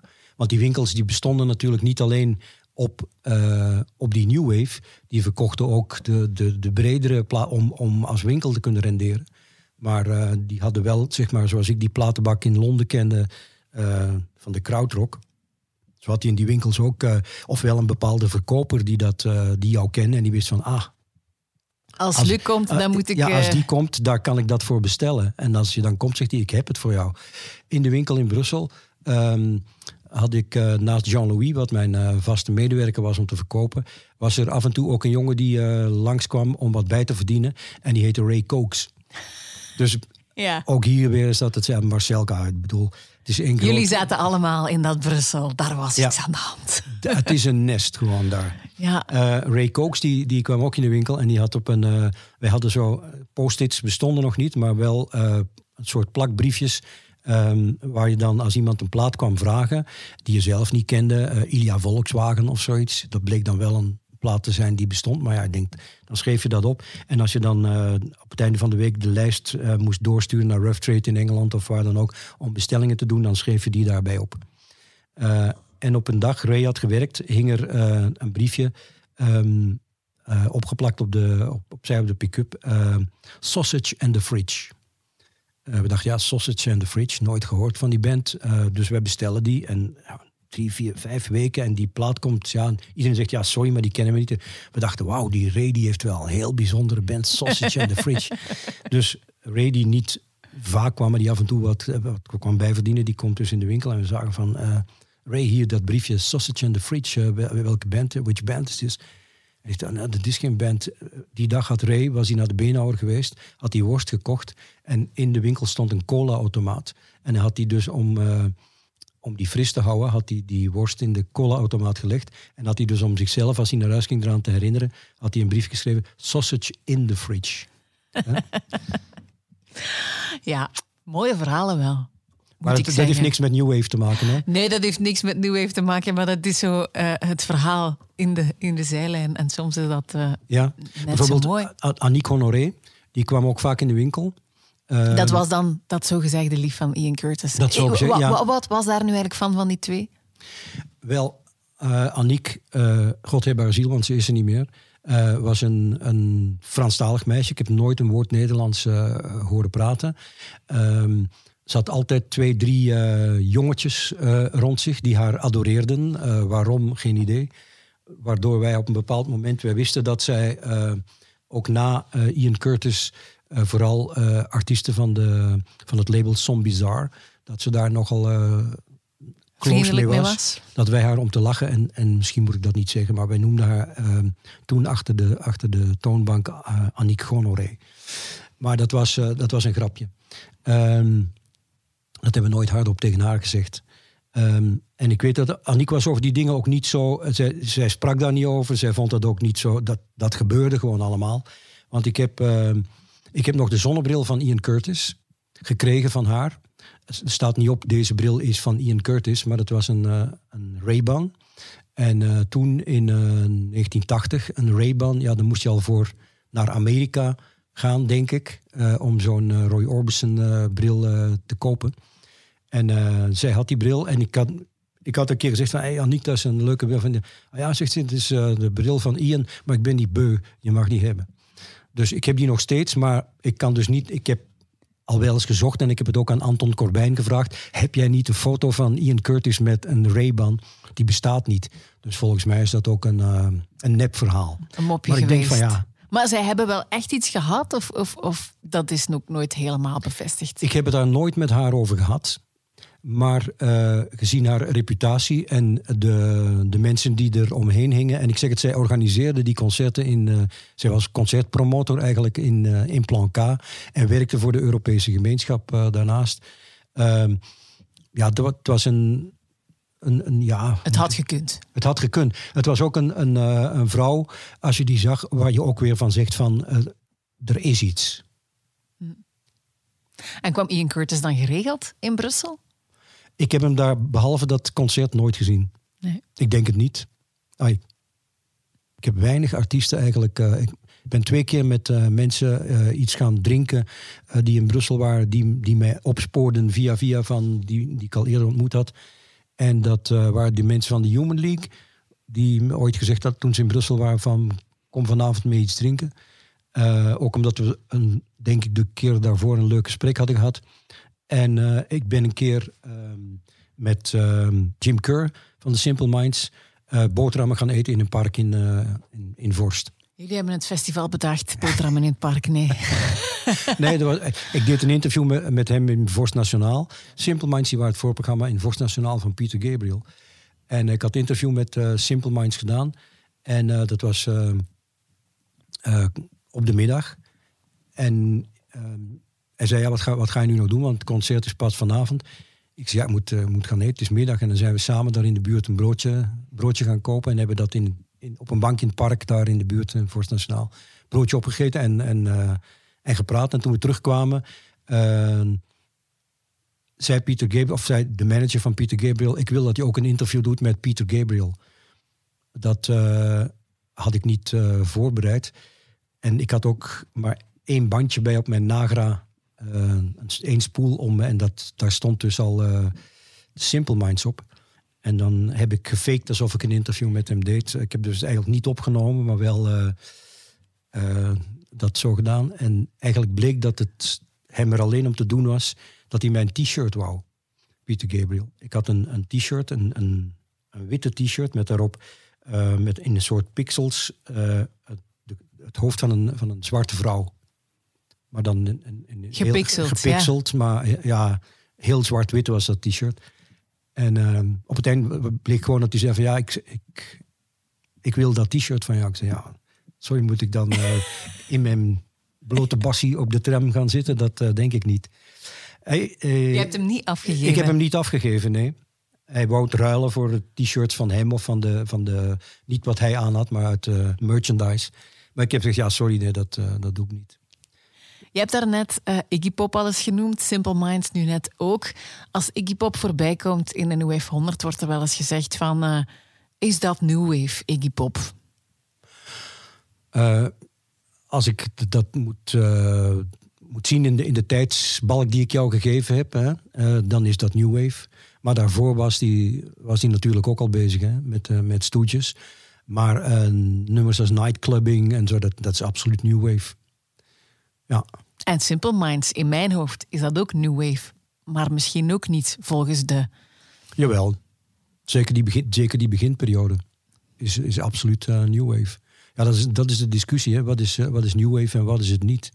Eh, Iggy Pop was zeker New Wave als, met alles wat hij gemaakt heeft in die periode in Berlijn, in de Hansa-studios. Ehm, dat was een fascinatie ook van mij in die tijd van de New Wave. Dat was Duitsland. Maar meer nog dan, eh, dan Berlijn eh, was dat Düsseldorf. Eh, van waar Kraftwerk komt, de Duits-Amerikaanse Freundschaft. Bijna alle New Wave bands uit Duitsland komen uit Düsseldorf. Waarom? Omdat Berlijn was toen een, een afgesloten plek, een eiland. waar vooral outcasts en zo naartoe konden. Mensen die, in, die toen in Berlijn gingen wonen, jonge mensen, die deden dat omdat je in Berlijn werd je betaald. Je kreeg geld om in Berlijn te gaan wonen omdat eh, men anders bang was dat, dat, eh, dat er op de duur niemand meer in Berlijn zou zijn. Maar de meeste van die bands snapten dan ook wel, als ik wat wil worden, zoals DAF of zo, die gingen dan, die verhuisden dan wel eh, op de duur naar, naar Berlijn, omdat het dan internationaal een grotere springplank was. De mensen van DAF bijvoorbeeld, Rob- Robbie Delgado, is ook zo iemand waar ik, die ik heel graag had. Ehm, ik heb eh, een paar concerten van hen gezien. Kebab Träume, de, de eerste single van hen, eh, op Mute. Eh, Mute is ook zo'n zo'n label dat ja, dat mij fascineerde van bij het begin. de, de, eerste, de eerste single op Mute. ehm, ehm, over die car crash. ehm, er zijn drie, drie letters met een puntje tussen. ja, maakt niet uit. DAF, dat was in het Duits. En er was dan de Neue Welle is eigenlijk ook een deel van, dat is de New Wave, maar dan in het Duits. Ja. Neue Welle. Al die bands als eh, Der Plan en zo, de, de eh, Muslim Gauze, eh, vind ik allemaal fantastisch. Maar DAF was bijzonder omdat je voelde van, die jongens zijn, zijn bijzonder in het soort geluid dat ze maken en gaan ook heel, heel breed. Ehm, die durfde dan ook. Het, optreden dat ik, een van de optredens gezien heb hier in Brussel van DAF, was in de Disco Rojo in de Blaasstraat in Brussel, in de Marolle. Eh, met in het voorprogramma Ellen Vega. Ehm, en Ellen Vega die had gezien dat eh, DAF, die eh, bespeelde zelf geen instrumenten, dus die hadden achter hen een muur gebouwd van cassettedecks van Sony, waar ook gesponsord door Sony. En voor elk nummer dat ze speelden, stopten zij dan een cassetje in een cassettedek, play, en dan kwam de muziek en dan deden zij mee. Ehm, Ellen Vega die had dat waarschijnlijk gezien tijdens de repetities. En die had dan ook een draagbare radio bij met zijn muziek op. Maar dat is ook het enige concert, eh, de enige keer dat ik ooit van iemand een, ehm, een handtekening heb gevraagd, is van eh, Ellen Vega van Suicide op die avond. Ik, eh, ik had het wel een beetje voorbereid, want ik had mijn eh, Polaroid-toestel meegenomen. En ik heb een paar Polaroid-foto's van hem genomen en gevraagd of hij die wou tekenen. Als je zo naar onze lijst kijkt, de New Wave 100, ehm, vorig jaar Forrest op 2 Ja, en Clark op 1. aha. Ehm, is dat terecht volgens jou? Ja, dat is zeer terecht, want het zijn de luisteraars van Willy die hem gestemd hebben. Dus, eh, Absoluut. kan niet maar. The Cure en jij, ik hoor daar nooit veel over. Ah nee, omdat ja, ik heb The Cure, heb ik eh, eind, ik denk ook in 79 of zoiets, eh, geïnterviewd na een concert in de VUB, in, eh, in een aula van de VUB waar ze toen, waar ze toen op, optraden. En, Ook toch eigenlijk, als je daar nu naar terugkijkt... Ik bedoel, ik ken die aulas ook. Ik heb daar ook wel alles gezeten. ehm, om les te geven zelfs. Ja, he- heel inspirerend zijn die aulas niet. Nee. Ehm, en dan ook, vorig jaar heeft The Cure nog een wereldtour gedaan. Ha- Had jij dat toen al door van, die, die gaan ooit zo groot worden? Nee, ik vond dat gewoon hele goede muziek. A Forest en Killing an Arab en zo, dat was die tijd. Ja, dat, van, dat zet je thuis heel vaak op. En eh, ik ging echt naar dat, dat is zo'n concert waar je naartoe gaat. Je weet, van The Cure moet je niet verwachten dat die daar eh, levend een, een, een varken villen op het podium. Hè? Of dat Welke band heeft dat dan wel gedaan, nu wil ik het weten? Ah, eh, Trisomie 21 bijvoorbeeld heeft, eh, heeft niet een varken, maar die traden wel op met emmers met bloed. En, en dat, de, dat bedoel, er is een scene waar dat soort dingen wel, wel gebruikelijk was. Maar bij The Cure was dat ja, gewoon goed, goed concert, mooie liedjes die, die allemaal kenden. En ik vond het hele nette, nette brave, brave jongens. En van het interview herinner ik me eigenlijk niks meer. Eh, ik, eh, ik, heb, ik, ik bedoel daar een beetje lacherig over. Omdat ik nu dan bijvoorbeeld op, op Werchter eh, presenteer je. En dan komt The Cure, moet je aankondigen. En die, die jongens komen op. En dan komt eerst de band en dan komt zo'n een 50 meter daar achteraan gehobbeld. Komt dan, ehm, ehm, ik noem hem altijd Ragebol zelf. Ehm, Robert Smith. Robert Smith. Maar dan, dat echt, ik dacht eerst van, hebben die hun bomma meegebracht? Dus die, die is, die is een flink aantal eh, ponden, kilo's eh, zwaarder geworden dan vroeger. Eh, heeft dan nog wel een zwart hemd aan, maar een hemd past niet meer. Dat is een soort kazuifeltje dat hij dan aan heeft. Een brede broek. En dan dat hoofdje is nog, nog dezelfde sminkster die hij heeft om zijn ogen ehm, Zwart te zwart te maken. ja. En, en die haar die dan eh gecrepeerd is. Ja, ik dacht echt dat de bomma meegekomen was. Dus dat, dat vind ik dan... In mezelf kan ik daarmee lachen. Maar als die muziek dan, eh, dan speelt, dan, dan hoor je... Ja, het zijn fantastische songs. Maar voor mij hoeft dat nu niet meer. Ik bedoel, er zijn nu andere eh, bands en andere dingen die... De tijd die mij nog rest is ook niet meer zo lang... dat ik nog eens terug al die oude meuk uit de kast moet gaan halen, weet je. En The Cure is nu niet een van die bands waarbij ik... eh, waarbij ik opeens ehm, terug nostalgische gevoelens krijg of zoiets.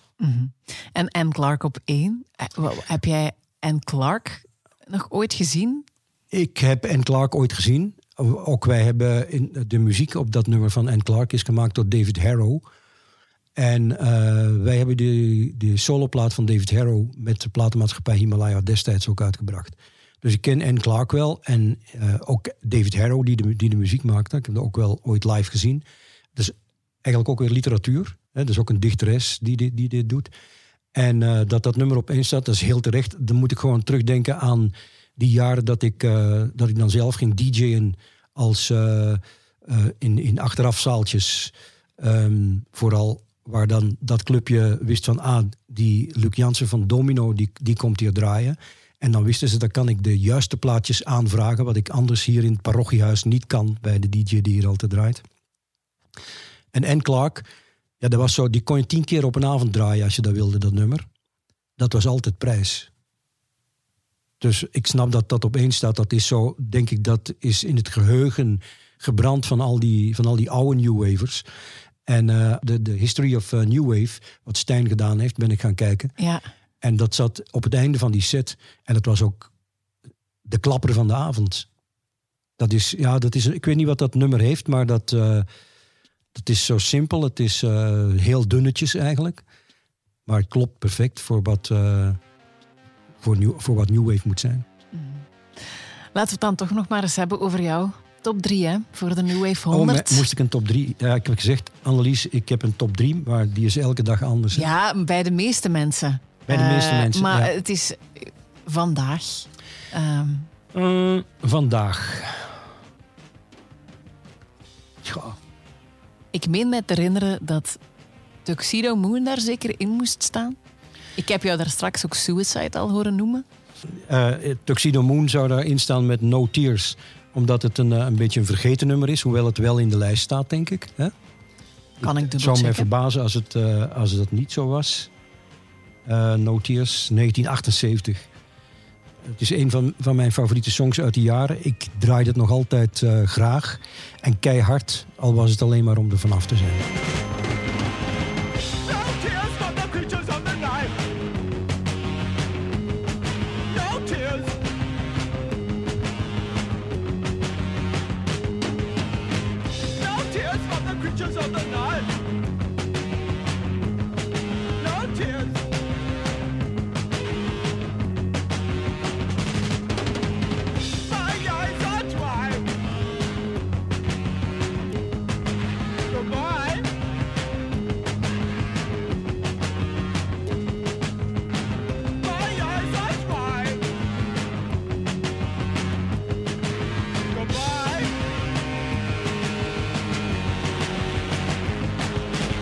Dus nummer drie, Tuxedo Moon en, Ja. no, en eh, no Tears.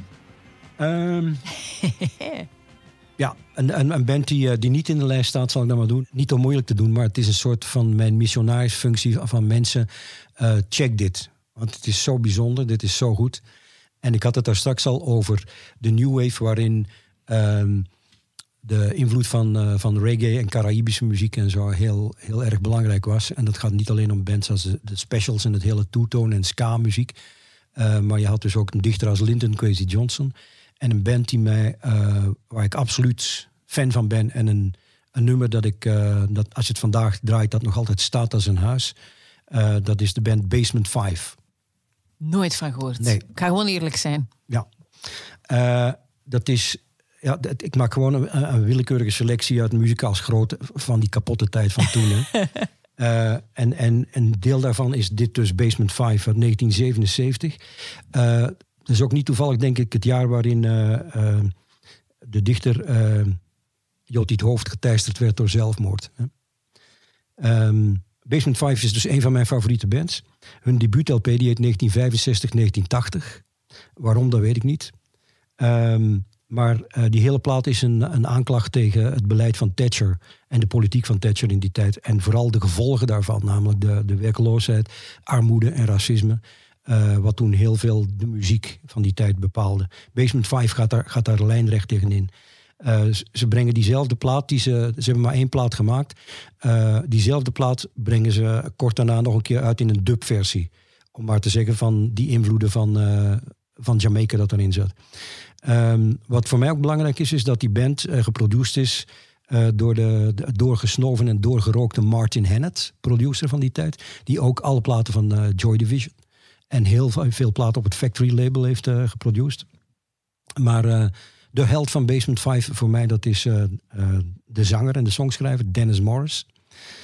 Morris, dat was de huisfotograaf van Bob Marley en van de Sex Pistols. Om maar te en, zeggen hoe ja, daar ja. alles weer uh, En dus die is, man, die, die en fotograaf is van Bob Marley en van de Sex Pistols, heeft dus zelf een band. Ja. En die doet iets daartussenin. Ja, die doet iets daartussenin. Cru zegt. Ja. Hij is fotograaf, hij is een fantastische zanger, schrijft geweldige teksten, speelt heerlijke muziek. Uh, en, en dat allemaal in, uh, in Basement 5. Uh, de, het zijn drie zwarte jongens en uh, één blanke. En dat is de drummer van Pil. Uh, Basement 5 heeft één keer opgetreden in België. Dat was in, in Antwerpen. Uh, in, in een zaaltje in de buurt van de Koningin Elisabethzaal. ik, weet, ik weet niet precies waar. Ik, ik heb hem toen geïnterviewd. En dat is een van de. Ik heb maar twee interviews gedaan waarbij ik te idolaat was om een goed interview te doen. Dat was bij hem, bij Basement 5 en bij Leonard Cohen. Daar, daar kon ik ook niks uit mijn strot krijgen om, om die man te vragen. Maar geëngageerde punk, Basement 5. En het eerste nummer van die plaat, luister dat en dan ben je verkocht. En dat heet There's a Riot Going On. En dat begint ook met een sirene van There's a Riot Going On. Oké, okay, dus nummer 2, Basement 5 en There's a Riot Going On. There's a Riot Going On, het nummer heet Riot. Ah ja, oké. Okay. Riot.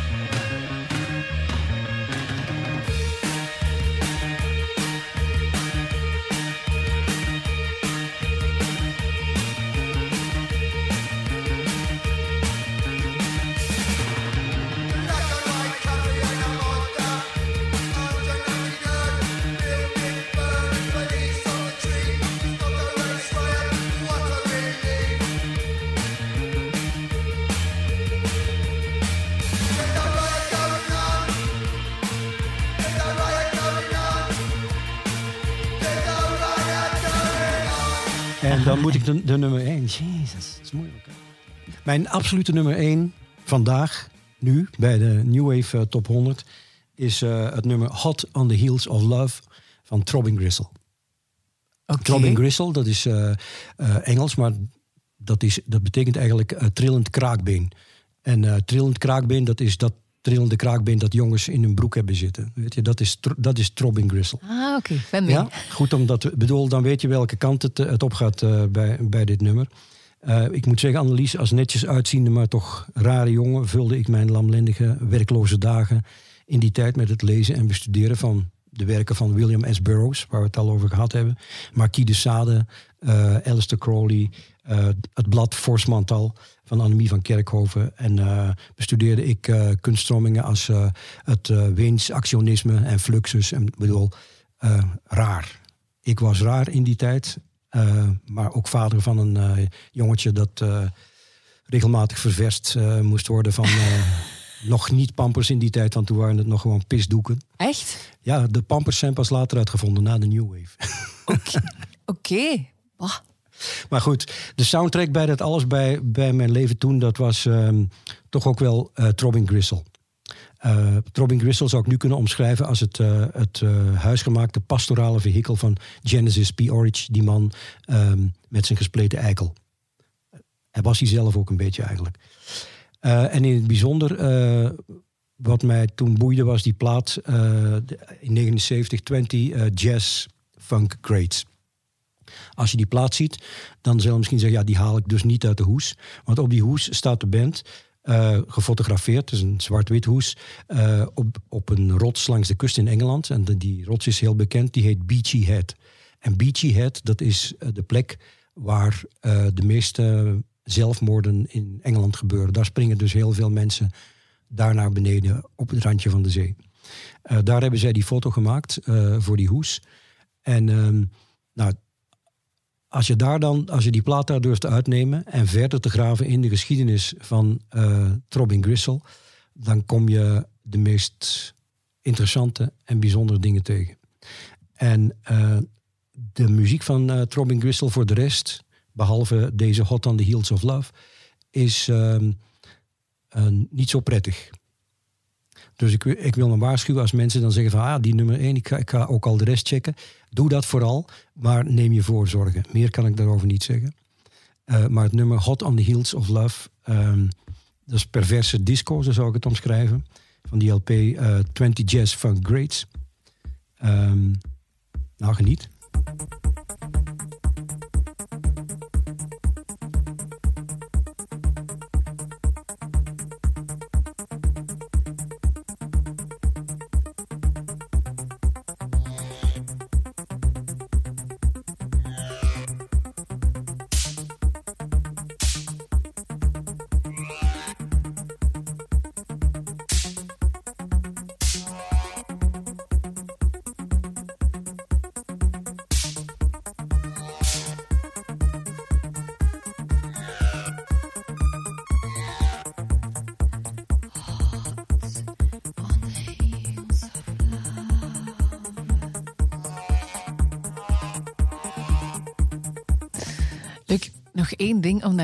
Je zelf hebt aangehaald. Jij hebt een zoon gekregen in 1976. Ehm, eigenlijk is die opgegroeid in de tijd van de New Wave. Mhm. Hè? Die is tien geworden in 86. Dus eigenlijk eh, wa- was dat muziek als jij die thuis opzette. Waar de kinderen zoiets van hadden, ah, vind ik wel cool. Of eh, die dansen daar misschien op. Of die, ah, dat casiootje dat je dan ooit gekocht hebt, werd daar dan ook iets in die aard op gespeeld? Of boeide dat eigenlijk helemaal niet? Ik zou je zeggen, Annelies, ik zette thuis nooit muziek op.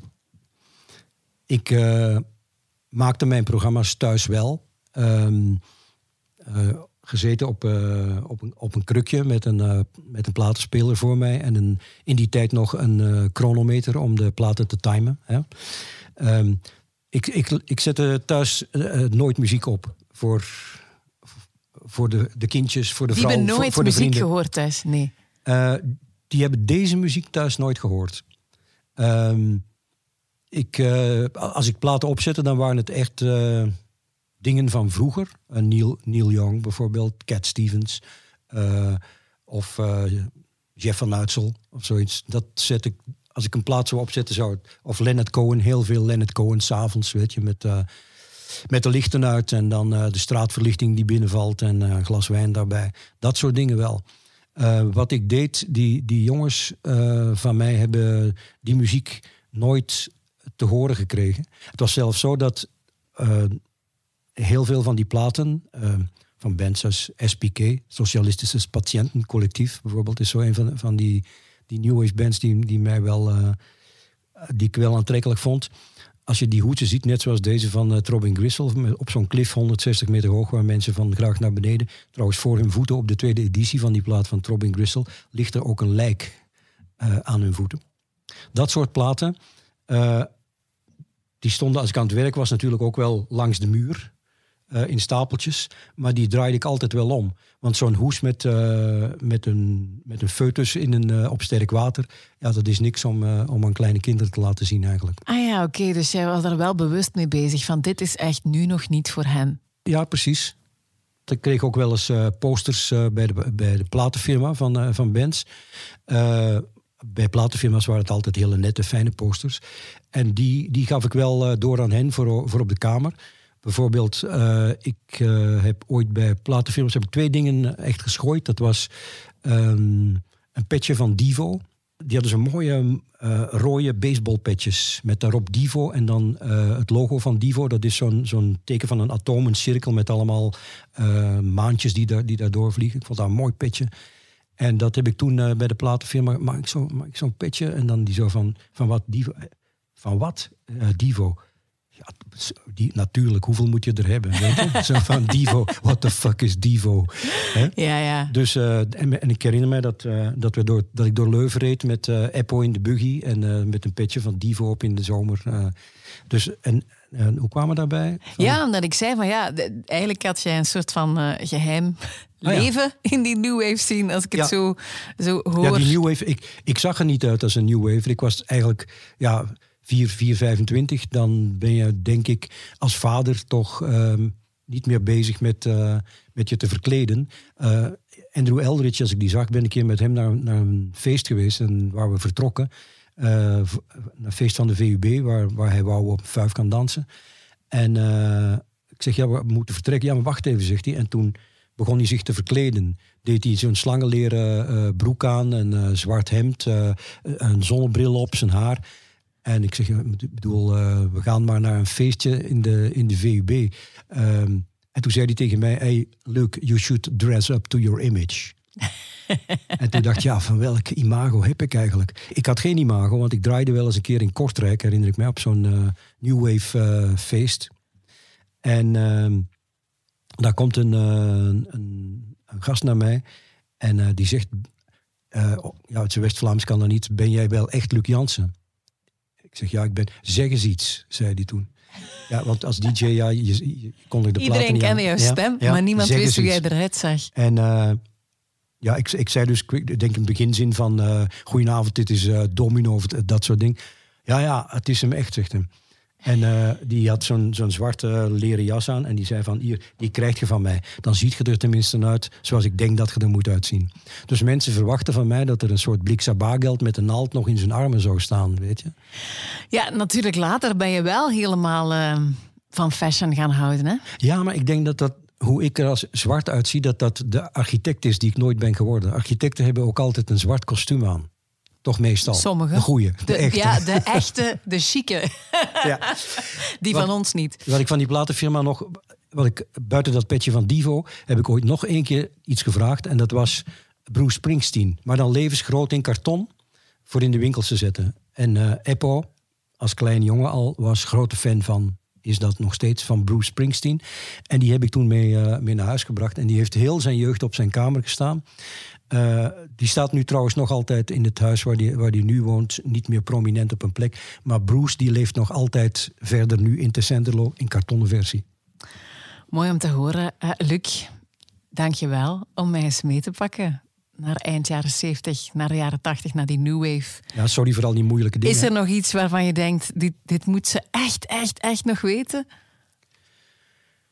Eh, ja, dat, dat alle New Wavers waren niet, eh, niet zwart. En dat het idee van wat, wat jij en veel mensen van jouw generatie van de New Wave hebben, dat dat een cliché is dat eh, gemaakt is door, door de industrie, denk ik. Binnen die New Wave had je nog tientallen andere stromingen die onder een andere naam woekerden binnen die New Wave. En wat wij daar nu meestal van kennen, dat is wat daar eh, uit hitparades allerlei en is van overgebleven. Als ik jou zeg Monte Gazaza, eh, dat zegt jou niks. Of Zef, dat zegt jou ook niks. Ehm, dat er toen muziek gemaakt werd met gevonden voorwerpen. Dat Zef voor zijn concerten, als hij begon, die, die had geen instrumenten, die had niks bij. Die had alleen microfoons met wat effecten. En die liep eh, overdag op straat en die nam een vuilnisbak mee en nog een ketting en een schop en allemaal dingen die hij vond. En daar maakte hij zijn Muziek mee. Zijn muziek mee, zijn, zijn performance. Ehm, Ik was al Dat blij soort dat ik die 100 bands uit de, uit de New Wave 100 bijna kende. Ehm, Ja, maar dat zijn de, dat zijn de leukste dingen uit de... Maar ik ben niet altijd voor leuk gegaan. Ik ben eigenlijk altijd voor bijzonder. bijzonder. We zijn nog één ding vergeten, Luc. Jij hebt ooit een klap in jouw gezicht gekregen van de Queen of New Wave. Ik heb twee keer een, een klap in mijn gezicht gekregen. Eén keer was, ehm, van, eh, was, ik, was ik in Amsterdam. Ehm, de Pixies waren gesplit. En ik wist dat er een nieuw bandje daaruit voortgekomen was. Dat waren de Breeders. En ik ging in de Melkweg in Amsterdam naar het eerste optreden van de Breeders kijken. En eh, ik ken Kim Deal goed. Dus ik eh, ga voor het optreden, ik dacht, ga even goeiedag zeggen. Dus ik loop naar de backstage en in de gang daar naartoe zie ik Kim op mij afkomen en ik geef die een kus. En die slaat in mijn gezicht. Ik zeg, hè?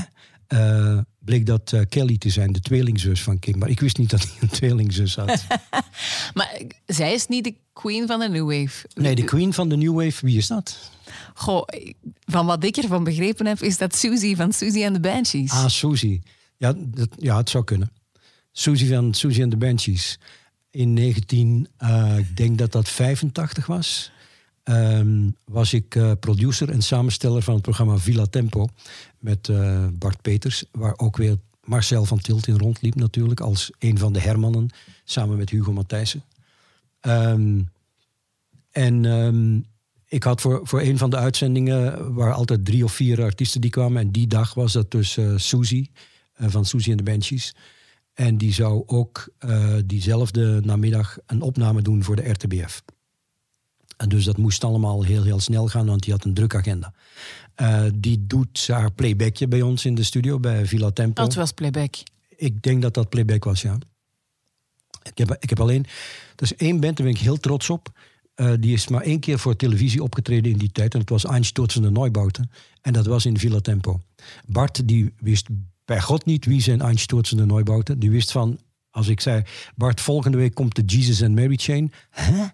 Dus, Maar daarvoor was jij Daarvoor bij was ik er. Tempo. En dat vond Bart luisterde daar dan naar. En dat gaf dan een kortsluiting in zijn hoofd. En dan kwam hij met de meest waanzinnige ideeën om in de studio te doen. Dus dat was altijd lachen. Dat was geweldig.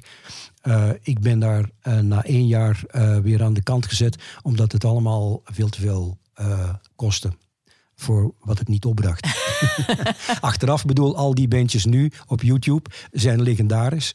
Maar in die tijd was dat, ja, kostte evenveel, evenveel geld als eh Imca Marina daar zitten. Of eh, ik weet niet welke eh, bekendheid van die tijd. Ja. Madonna had ook gekund, maar dat, dat lukte niet. Maar Ehm, Suzy wel. Maar Suzy wel. en eh eh, Suzy, eh, haar playback was klaar, het interview was klaar. En die vertrok vliegensvlug door de gang overgestoken naar de andere kant, naar de RTBF. En ehm, de chef van de techniek, die roept naar mij en die zegt van... Luc, ze heeft haar zendmicrofoontje nog op.